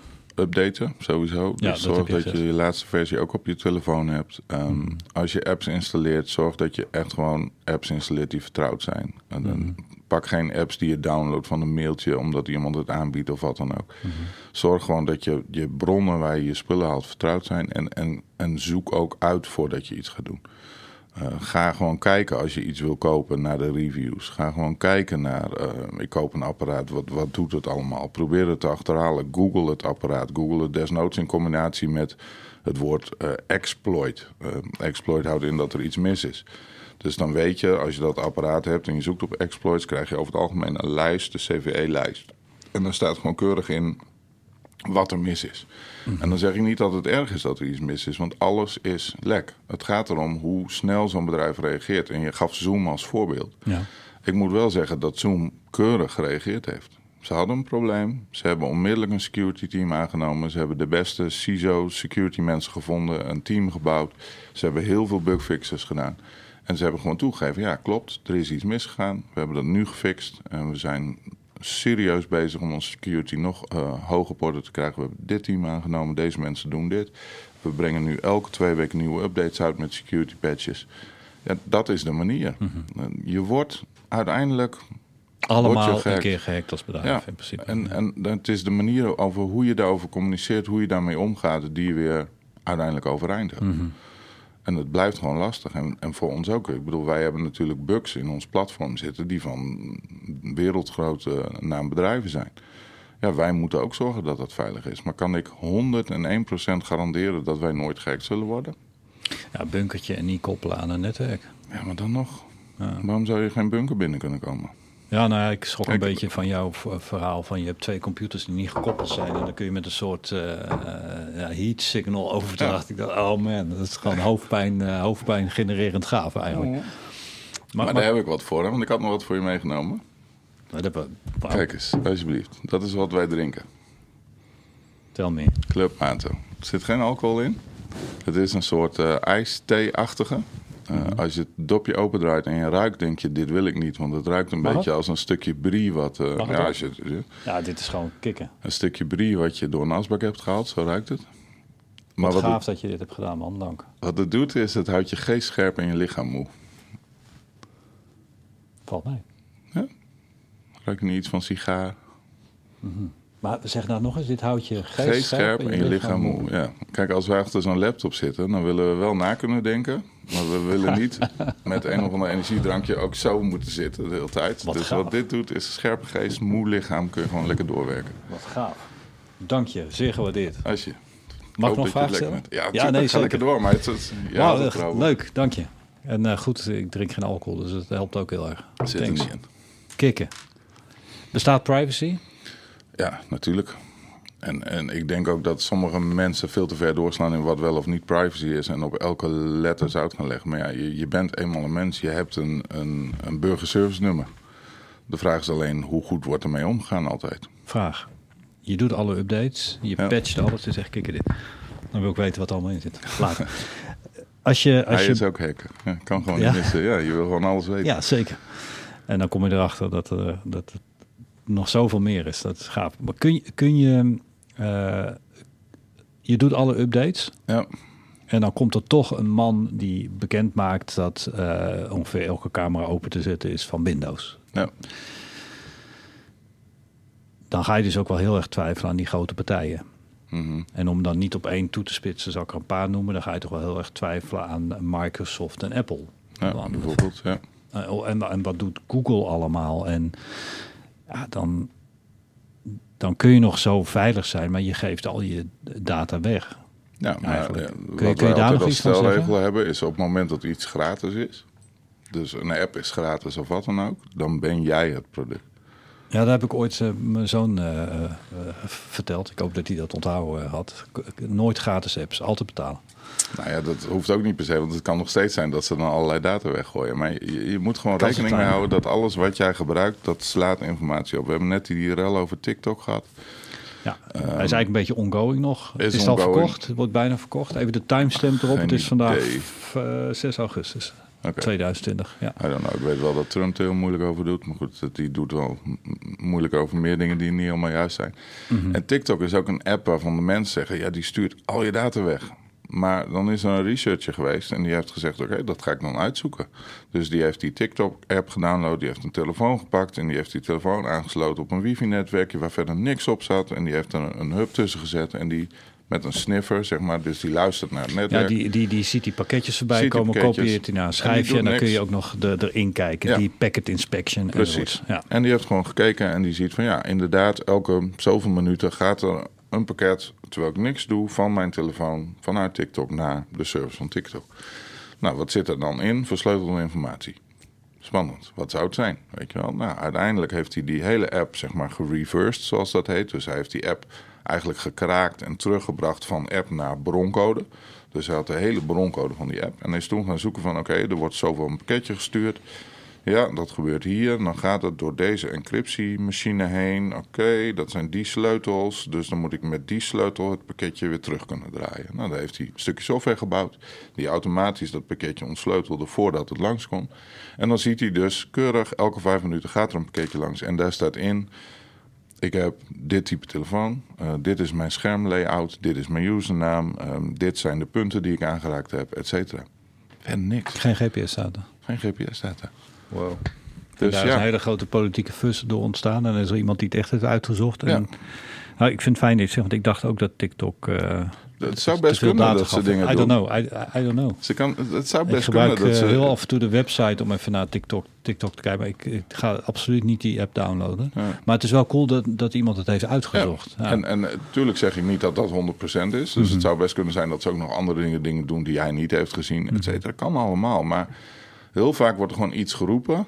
En dan gaat iedereen daarover, die gaat dat opblazen, et cetera. En dan wordt zo'n bedrijf onder de grond gestampt, terwijl ze misschien helemaal niks doen. Mhm. Dus je moet dat gewoon, vind ik, uitzoeken. Nou, dat doet zo iemand. Ja, ik, vond wel, ik vond wel even schrikken, eh, gewoon in zijn algemeenheid, dat LinkedIn, en later hebben ze toegegeven dat dat een bug zou zijn, Mhm. je klembord. Ja.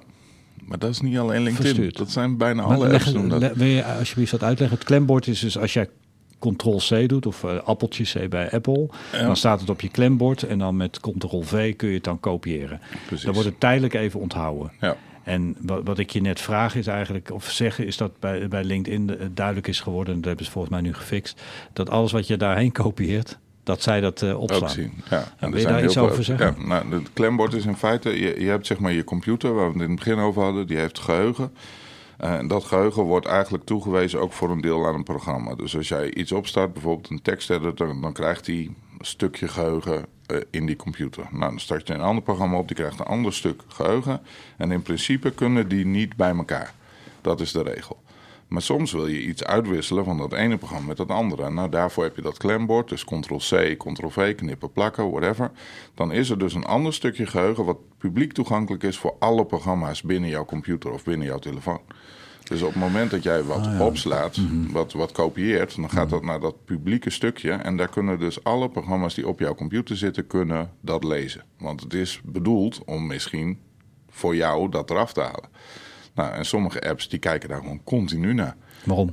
Ja, dat weet ik niet waarom ze dat doen. Ik vind het ook niet netjes. Dat je daar wachtwoorden of zo kopieert of ja, dat zou kunnen. Ja, Als je daar een wachtwoord neerzet en al die apps pakken dat wachtwoord en sturen het door, ja, dan hebben ze het wachtwoord.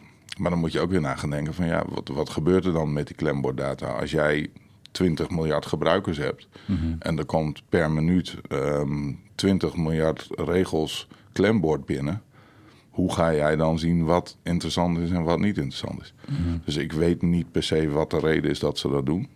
Zou je eens moeten vragen, ik heb geen idee. Maar mhm. ik denk er wel over na van ja, wat heb je er dan aan? Tuurlijk, als jij daar wachtwoorden op zet, ja. zou het kunnen dat je er iets mee kan. Maar dan moet je wel net snappen van welke gebruiker dat is, wat, waar dat wachtwoord dan voor is en waarom. En dan moet je ook nog dat eruit vissen tussen die 20 miljard andere regels die je op die minuut binnen hebt gekregen. Uh, nogmaals, als jij gewoon hackers hebt die het doen voor de lol, dan zul je dat eerder zien dan dat je er echt last van hebt. We hebben bijvoorbeeld wel eens met die uh, apparaten gespeeld die aan de muur hangen. Uh, waar je zeg maar je cv en dat soort dingen mee kan bedienen en het weer op kan zien en weet ik veel wat. Nou, wat, wat, wij dan doen is daar gewoon een leuk filmpje van uh, een Rickroll zoals dat heet. Van Rick ja, Ashley. Ja, Rick Ashley. Dat krijg je er dan op. En dan lopen we weer door. Ja. En net als dat wij proberen die mensen zo achter de laptop te laten zitten. Weet je, dat, dat vinden we leuker als dat we het mis, gaan misbruiken. Dus we willen wel laten zien dat we het kunnen, maar dan mhm. stopt het ook. Wat is je belangrijkste les geweest in, in dit vak? Nou, altijd de open vak, mind houden. Ja, het is, het is een vak. Het is een beroep. Uh, en um, de les is dat je altijd kan leren en dat er altijd manieren zijn waarop iets kan waar je nooit rekening mee gehouden hebt. Dat, dat zijn wel echt de belangrijkste lessen. Dat je mhm. gewoon echt bij een bank naar binnen kan lopen met een glas whisky bijvoorbeeld. Dat je, daar hou je geen rekening mee. Nee, dat bedoel en dat gebeurt. Dus ik durf nooit te zeggen dat, ik, dat we goed beveiligd zijn. Want soms denk je er gewoon niet over na. Als je kijkt naar al die kaarten die gebruikt worden voor access, weet je wel, die RFID-kaarten die bij je pasje bij je deur houdt en dat soort dingen. 9 van de 10 kunnen wij binnen 10 minuten klonen, zeg maar. Fuck. En dat vinden we gewoon hartstikke leuk. Ik heb die, die kaarten in zo'n uh, beschermhoes zitten. Helpt ja, dat dan wordt niet? ja, dat wordt lastiger. Ja, en als je ze bij elkaar houdt, dus uh, ik heb drie of vier kaarten die allemaal een RFID-functie hebben. Als die bij elkaar zitten, kun je dan nog één daarvan uitlezen of gaat het nee, signaal wordt lastig. Ja, dan gaat hij verstoren. Mhm. Maar wat we, als het gewoon los is, dan kun je gewoon naast iemand staan met, met zo'n apparaatje wat wij hebben. En wij kopen die apparaten nogmaals voor 110 euro of zo. Heb je één die kan klonen. dat is hartstikke leuk. ja. Nee, dan kun je gewoon. dan ga je gewoon ernaast staan en dan probeer je het signaal van die kaart te pakken. En dan sla je dat op en dan loop je daarna naar de reader, want die kaart is wel versleuteld. En mhm. dan heb je een ander slot wat je kiest op het apparaat. En die hou je tegen de reader en dan probeert die reader te zeggen van... Hé, hey, wie ben jij? En dan, dit is mijn eerste versleutelingskeer. Nou, met die sleutel dan ga je naar je computer, dan heb je kaart en, en de eerste key van die reader. En dat mix je dan in een programmaatje en dan gaat die kraken en dat duurt ongeveer vijf minuten. En dan heb je een hele dump van die kaart. En dan kun je daar gewoon weer een nieuwe kaart, een blanke kaart mee maken. En dan heb je een kopietje. Cool. We hebben dat met een koffiezet, dat was echt lachen. We zaten op het werk, we hadden een nieuw kantoor. We hebben nu trouwens het mooiste kantoor ooit, maar dat was nog het vorige kantoor en dat was zo'n deelkantoor. En toen kwam er een Nespresso-apparaat binnen met van die buizen met allemaal smaakjes. En dan kreeg je een kaart bij met 300 credits. Nou, dat gaat dus mis in de, op het hekkantoor. Ja, dat, dat was echt, volgens mij duurde het in totaal zeven minuten dat uh, iemand die kaart gekloond had. Eh, en dat we daarna één kopje koffie hadden gehaald. En toen nog een kloon hadden gemaakt. En toen zagen we dat precies de plek waar in hexadecimaal zeg maar, bijgehouden werd hoeveel koffie je nog had. Dus toen had iedereen binnen 10 minuten 99.000 kopjes koffie op die kaart staan. En toen kwam er natuurlijk iemand van ja, maar er zit ook een schermpje op. Die geeft dus aan 99.000 kopjes koffie. Maar zou die ook wat anders kunnen? Dus Netflix. in die plaat, in dat stukje waar 99.000 stond, werd uh, hallo sukkel of zo gezet. En toen bij dat apparaat, nou dat ding crashte gigantisch. Moest iemand van de fabriek komen om dat ding weer helemaal te herstellen. Dus dat kon niet. Nee, dat soort dingen. Hartstikke leuk. Volwassen worden hoeft helemaal niet. Nee, helemaal niet leuk. Dat is het mooie van hekken. Je moet gewoon echt wel lol hebben. En je hebt ook gewoon binnen de scene heb je zoveel mensen die briljante dingen doen. Maar ook gewoon lekker houden van oude hoeren, een biertje drinken, gewoon niks doen. Mm we hebben natuurlijk nog de GGOA, de Guild of the Grumpy Old Hackers, waar we lid van zijn. Eh, dat is gewoon lachen altijd. Grumpy. Ja, dat is gewoon een genootschap met oude hackers, zeg maar, die boven, volgens mij is het boven de 40 of zo moet je zijn. Het mooiste is als je een baard hebt natuurlijk en een beetje historie, een beetje bekendheid. En die komen dan bij elkaar en die bedenken de meest waanzinnige shit die ze dan ooit willen gaan doen, maar nooit gaat gebeuren. Bijvoorbeeld. Laatst wouden we weer een kerk oprichten, geloof ik omdat als kerk krijg je kennelijk toegang. Ja, geen belasting, maar je krijgt ook toegang tot de gemeentelijke basisadministratie als kerk. Serious? Ja. Dus als je een kerk bent, dan kun je er gewoon bij. Dus daarom wouden wij kerk worden. Maar ja, dat, ik denk wel dat mensen ons in de gaten houden en zeggen dat gaat niet gebeuren. Jullie worden geen kerk. Maar worden jullie in de gaten gehouden, denk je? Nou ja, ik denk wel dat natuurlijk. Maar jij zeker, omdat je natuurlijk eh, een beetje high profile bent. Ik, ja, ik weet niet of ik echt in de gaten gehouden word, maar er zijn altijd wel mensen die geïnteresseerd zijn in wat je doet, zeg maar. Laten we het zo omschrijven. Dus daar, dat, daar geloof ik wel in. Mm -hmm. Maar ja, er zijn ook altijd regels die we moeten testen. Dus bijvoorbeeld het, het Wassenaar Agreement is wel heel technisch, maar dat houdt eigenlijk in dat als jij specifieke software hebt, dat dat gezien kan worden als een wapen, een cyberwapen, omdat je daarmee iemand anders aan kan vallen. Mhm. En op wapens heb je natuurlijk een exportvergunning in Nederland. Wereldwijd trouwens. je mag die gaat dan gelden ook daarop? Die gaat mhm. ook gelden op specifieke stukken software. Dus wat we met de Guild of the Grumpies nog een keer willen doen... is één iemand in Duitsland zetten en één iemand in Nederland. Gewoon tegenover elkaar, grens ertussen. En dan gewoon veel pers erbij halen. En dan gewoon op een briefje een, een exploit... die eigenlijk onder de wapenwet zou vallen, omdat het software is. En die overhandigen aan iemand in Duitsland. En kijken of we gearresteerd worden, weet je wel. Dat soort dat soort dingen vinden we interessant. ja. Doe maar. Hey, een goede hobby. Ja, dat vinden we leuk. Ik denk dat je, dat je uiteindelijk heel veel mensen blij hebt gemaakt en gaat maken. Omdat...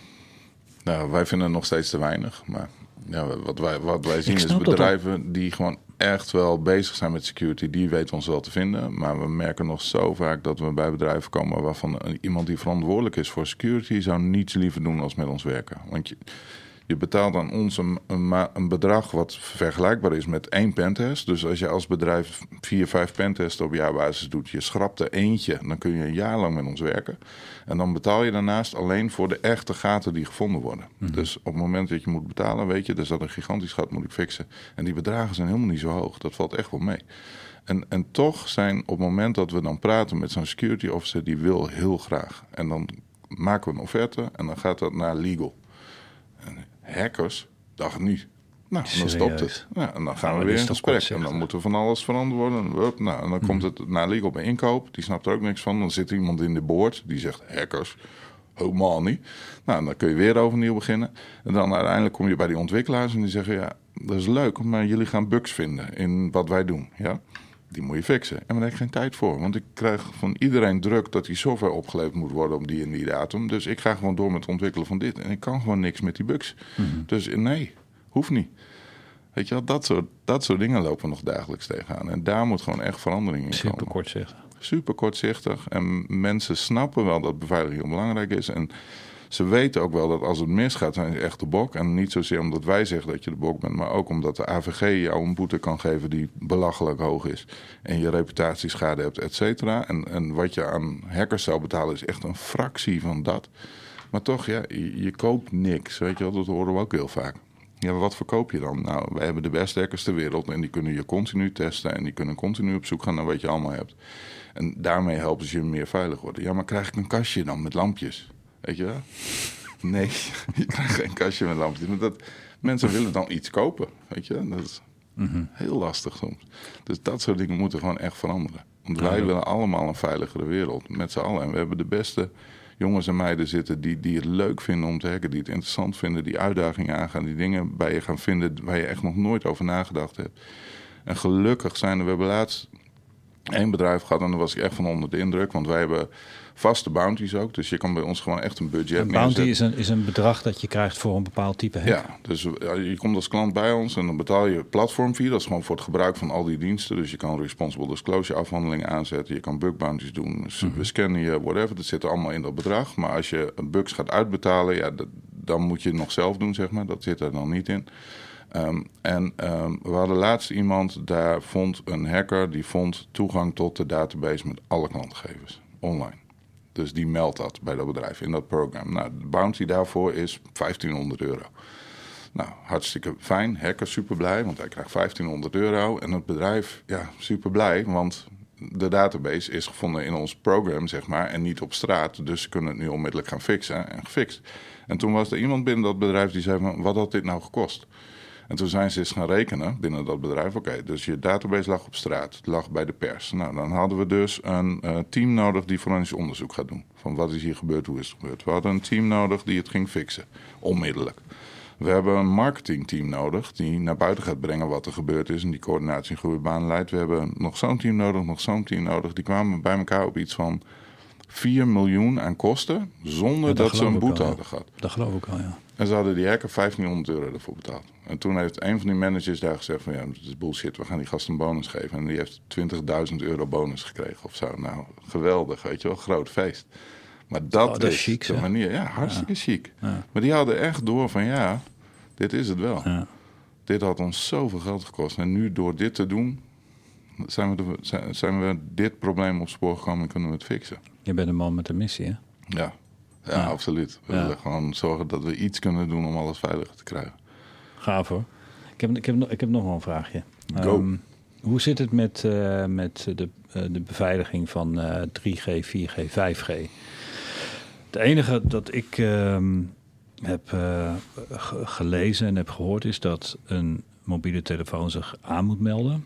Mhm. En dat, dat kost natuurlijk tijd. Maar er zijn kastjes die je dan in de buurt zet van degene die je wil hacken. En dat kastje meldt zich natuurlijk veel sneller aan als access point. Ik weet niet of dat zo heet.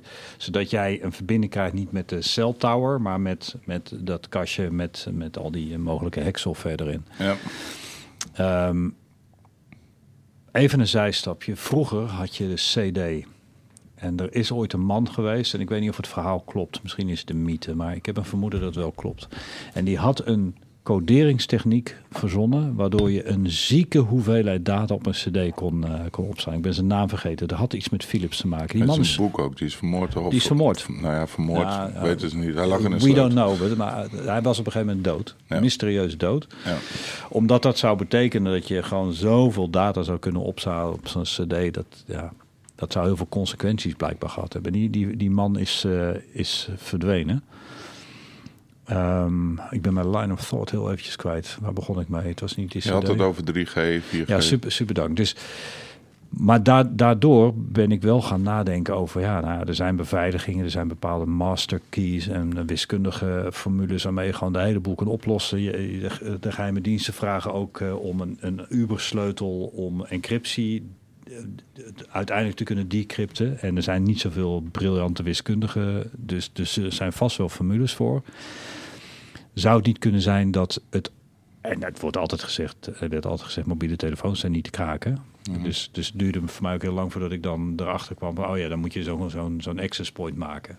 Nou, nooit gedaan, maar toen dacht ik, oké, maar zou het niet zo kunnen zijn dat dat soort dingen geheim worden gehouden en dat je super makkelijk een mobiele telefoon kan hacken? Want het is gewoon codering en die coderingen die is gewoon ontzettend oud. Ik weet niet hoe het bij 4 en 5G zit. Nou, volgens mij is 4G redelijk lastig. Ja. Ehm, het zal me niet verbazen dat er is. Volgens mij is er ook wel, want dan zou je echt moeten kijken weer naar de hoek van eh, Israël. Is daar natuurlijk heel goed in, Ja, in, het ja. ontwikkelen van dat soort dingen.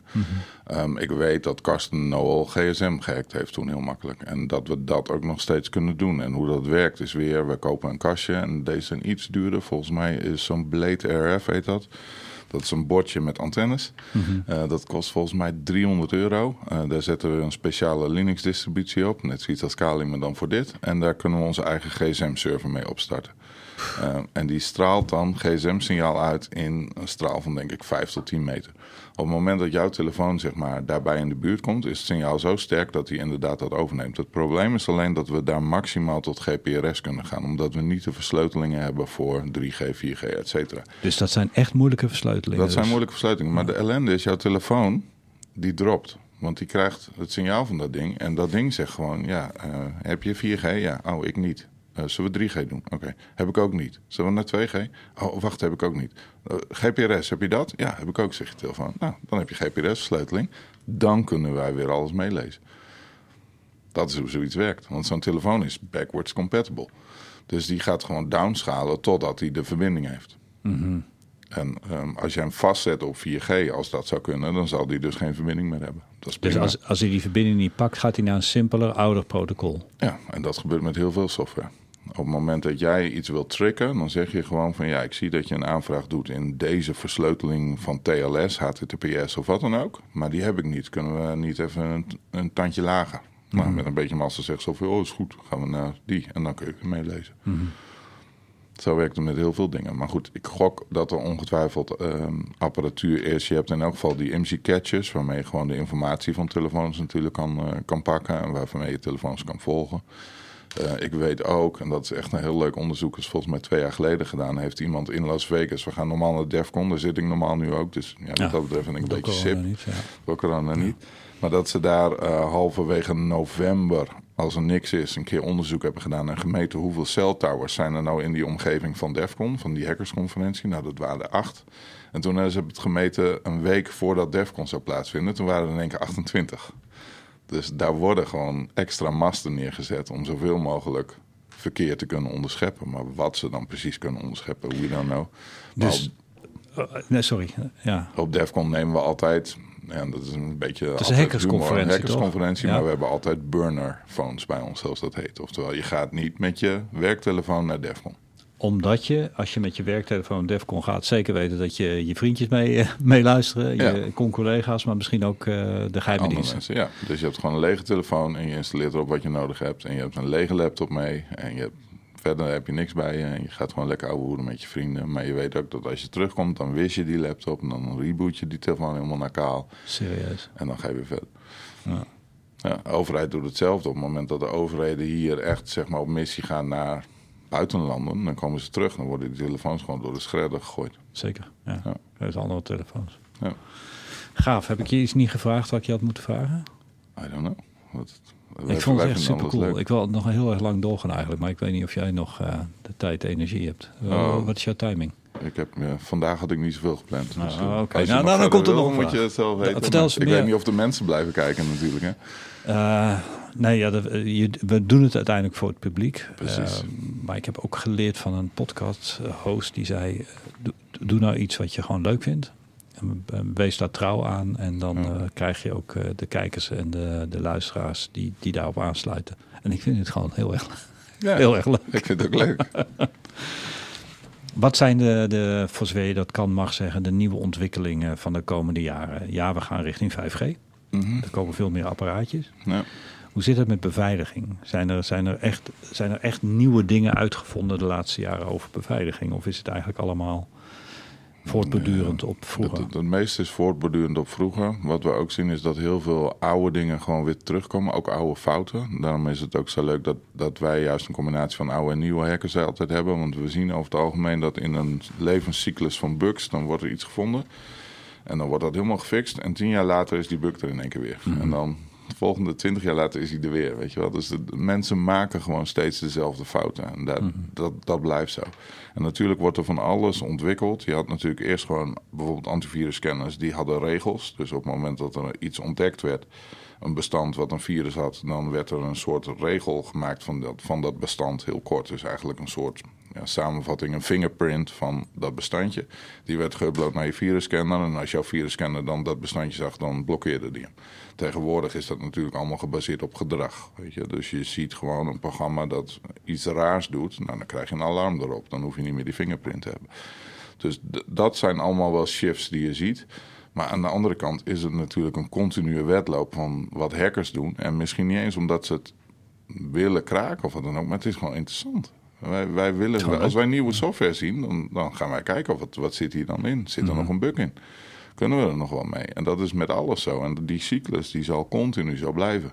En op het moment dat, dat je van alles bedenkt om het veilig te maken en je gaat het roepen dat iets niet te kraken is. Ja, dan nodigen jullie uit. Dan ben je echt aan de beurt. Ja, want dan gaan we alles doen. En wat ik zie is bijvoorbeeld dat nu uh, qua uh, versleuteling en zo het, het, glitching echt een hobby wordt van de hackers. En dat klinkt een beetje technisch. Dat, ken ik nog niet. Wat nou, glitching? Leuk, is hartstikke leuk. Um, je hebt zeg maar uh, een, een IoT-apparaat bijvoorbeeld en daar zit een chip in. En die mensen hebben nagedacht over security, dus die hebben de data die in die chip zit, hebben ze ook beveiligd met een beveiligingssleutel. Maar om daarbij te kunnen, moet natuurlijk die data wel ontsleuteld worden, want anders kunnen ze het programma niet draaien in dat IoT-apparaat. Wat je dan met glitching doet, is dan ga je eigenlijk met weer hele goedkope hardware, ontwikkeld door andere hackers die hier heel goed in zijn, ga je meten op bepaalde punten, totdat je eigenlijk de stroom kan zien die uh, die encryptiesleutel heen en weer stuurt. En als je daar dan samples van neemt, dus je gaat dan per seconde ga je 15.000 keer meten, dan kun je dus zien dat een processor bijvoorbeeld net iets meer trekt op het moment dat hij iets gaat ontsleutelen, versleutelen. En als je daar maar genoeg samples van hebt, dan kun je zo de sleutel achterhalen. Van die. Dat is toch sick? Dat is leuk. Ja, dat, is dat, sowieso. Sport. En daarmee kun je dus zeg maar zo'n flesje weer uitlezen, zoals dat heet. En dan heb je de broncode van dat IoT-apparaat. En dan kun je hem weer wat anders laten doen. Mm. Maar normaal kom je er absoluut niet bij. Maar doordat je eigenlijk stroommetingen gaat doen. En aan de hand van die stroommetingen, zeg maar. Of glitching. Uh, glitching houdt eigenlijk in dat je stroom injecteert, gewoon op random punten. Dus bijvoorbeeld iets moet opstarten uh, en dat moet veilig. Maar op het moment dat hij halverwege opstart is, ontbreek je hem voor een milliseconde. Dan heeft het programma zoiets van: ik weet niet, dit is niet goed, ik ga nog maar een keer. En dan gaat hij weer overnieuw, ontbreek je hem weer. En dan zegt het programma: ja, maar dit is een beetje gek, ik start wel op in veilige modus. En dan kun je er dus ook gewoon weer bij.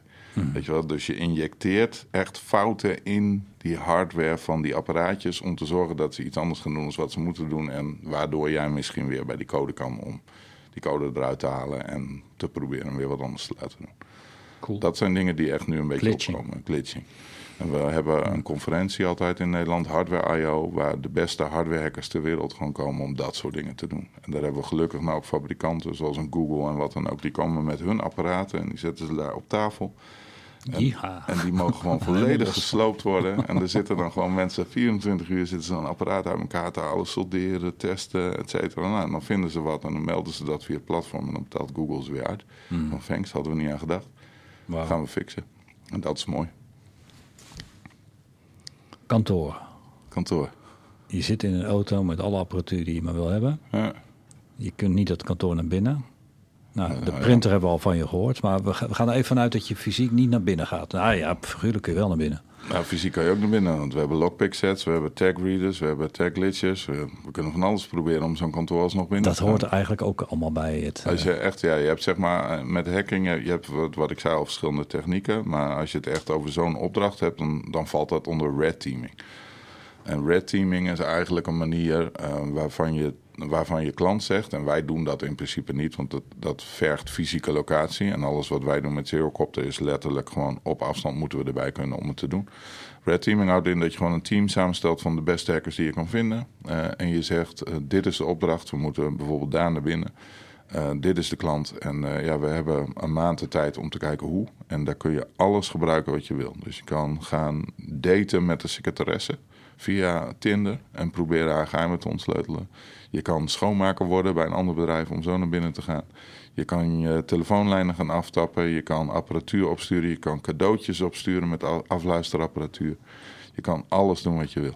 Je kan op Facebook gaan en dan zie je dat binnen dat bedrijf uh, een groepje van. Uh, eerst maak je een lijst LinkedIn. Wie werken er allemaal? Nou, dan ga je dat matchen met bijvoorbeeld Facebook. Dan zie je dat vier heren vriend van elkaar zijn. Uh, en dat ze allemaal van oude auto's houden, want ze zijn lid van deze oude autogroep. Nou, dan stuur je uit naam van de ene stuur je een foto met een foto van de auto naar de andere en zeg je, heb je deze al gezien? Is dat social engineering? Of social engineering, ja. Mhm. Nou, dan klikken ze erop en dan ben je binnen. Weet je wel, dat soort dingen, alles mag. Als je maar binnenkomt. En de mooiste verhaal is nog steeds van uh, vrienden van ons, uh, Laris. Die hebben ooit een Boeing gejat. Dat was een opdracht. Hoe ver kom je? Een Boeing. Een Boeing. Vliegtuig, Letterlijk Boeing. Een open vliegveld, een Boeing gejat. En ze zaten in die cockpit van, wat doen we hiermee? Weet je wel, boeken, handleidingen, internet. En ze hebben dat ding volgens mij 100 meter verder kunnen rollen. En toen zijn ze maar gestopt. Maar dat was hun opdracht en die is gewoon gelukt. Gewoon een vliegtuig stelen. Dat is het. geweldig. Dat zijn echt de mooiste verhalen om dat te doen. Maar Oké. ook gewoon ergens binnenlopen bij een, bij een pand en zeggen: Hoi, ik kom voor de printer. Nou, waar denk je dat je heen gestuurd Ah, maar dit is toch vanuit, vanuit de films? Is dit, eh, Ja, dat is real dat life. gebeurt gewoon. Het is real life? Dat is echt real life. Op het moment dat je een willekeurig groot pand binnenkomt, er is altijd wel een printer die het niet doet. Komt printer repareren? Ja, ik kom een printer repareren. Nou, die printers hebben tegenwoordig harde schijven. Dus als je die zijkant eraf schroeft en die harde schijf eraf trekt, heb je meestal alle kopieën nog die gemaakt zijn ook op die harde schijf staan. Dus die lees je uit en dan heb je alle data die je hebben. hebben. Jezus, dat is niet. Ongelooflijk. Dat, zijn, dat zijn leuke opdrachten. Maar goed, dat doen wij niet. Maar het is wel leuk om te doen. Maar je weet dat het kan. Je weet dat het kan. Hey, het laatste eh, gebied waar ik je eh, één of twee vragen over wil stellen voordat we afsluiten. We zijn heel erg bezig met hardware en software. Hardware kun je vastpakken, software die, die, die, laat je, die laat je erop. Maar alles wat elektrisch is, geeft ook elektrische velden of elektromagnetische velden. En dat, Mhm. Ik gaf al heel de- in het begin dat voorbeeld van je kunt een scherm op afstand uitlezen. Kun, kun, jij, kun jij eens om ons extra, en dat bedoel ik positief, om ons extra alert schuin bang te maken. Eh, Maar dat bedoel ik positief. Hè?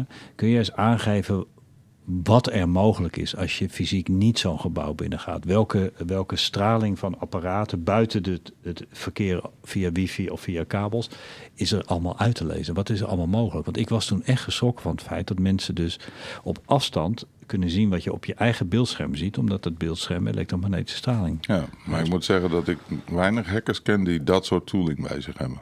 Dus ik denk dat dat vrij lastig is om dat handzaam te maken. Dat aflezen van beeldschermen. Maar ja, ja, sowieso wifi-signalen, gsm-signalen, eh, signalen van alarm, eh, dingen kun je gewoon afluisteren. Je hebt gewoon die hele kleine mooie radio's. ehm HackRF heet dat. Die scant van 0 tot 20.000 megahertz volgens mij. En alle frequenties. Alle frequenties. En die scant gewoon alles. En op het moment dat jij een spike ziet, dan gebeurt daar iets. Dus dan is het de kwestie van, oké, wat gebeurt daar? Kan ik het decoderen en kan ik er iets mee? Eh, ehm, heel vaak zitten er alarmen op die panden die ook via radiosignalen aangestuurd worden. Nou, op het moment dat jij eh, zo'n radiosignaal kan replayen, dan kun je dus ook weer een pand bijvoorbeeld in. Want dat houdt gewoon in dat jij daar een tijdje gaat wachten tot iemand iets doet wat jij wil. Nou, dan zie je dat in dat signaal, die spike, dan, dan vang je dat op en dan speel je dat opnieuw af als jij voor de deur staat. Ja, eigenlijk wat ze met keyfobs van auto's doen. Dat ze gewoon even meeluisteren. Nou ja, keyfob replaying is ook heel vaak dat, dat jij in de bar staat met jouw autosleutel en dat iemand anders bij jouw auto staat met een relay en iemand gaat naast jou staan en houdt zijn relay naast jouw auto. Dus dan heeft jouw autosleutel in één keer verbinding via dat kastje en dat andere kastje met de autodeur. En dan kun je gewoon instappen. Want je bent naast de auto. Dus als jij dat aan hebt staan naast de auto, dan kun je gewoon instappen. Ik, ik rij ook een Tesla, dus ik zou ook kunnen zeggen als ik aankom lopen, ga maar open deur. En dan kan ik wegrijden, maar ik heb dat absoluut uitstaan. Dus ik Pincode moet echt op die knop drukken en ik heb een pincode om te starten. Dus ook al zou je zeg maar mijn sleutel klonen, stelen, et cetera, moet je nog steeds een pincode hebben om te kunnen wegrijden. Maar dat, ja, dat zijn hele leuke dingen om te doen. En dat is ook vrij makkelijk, want dat zijn gewoon radiosignalen die je gewoon kan relayen. En dan hoef je het niet eens terug te spelen, dus replayen, maar dan kun je het gewoon live gebruiken als je naast iemand staat. Zo werden er vrij veel Ongelooflijk. auto's gehad. We hebben wel die filmpjes in Engeland. Dan zie je echt gewoon mensen met zo'n antenne naar een huis gaan. En gewoon bij de voordeur staan. Terwijl iemand anders met die ontvanger bij de auto staat. En dan hopen ze maar dat iemand de sleutels. Oh man, nou snap Bij de deur hebben gelegd. Dus die, die, die, die sleutel is te zwak om helemaal naar die auto te gaan. Ja. Maar die gaat gewoon naar het eerste antennetje. Ja. Die relate hem naar die andere antenne. Die vlak bij... Oh, dat is het. Ja. Oh man. En zo eh, kun je een auto stelen.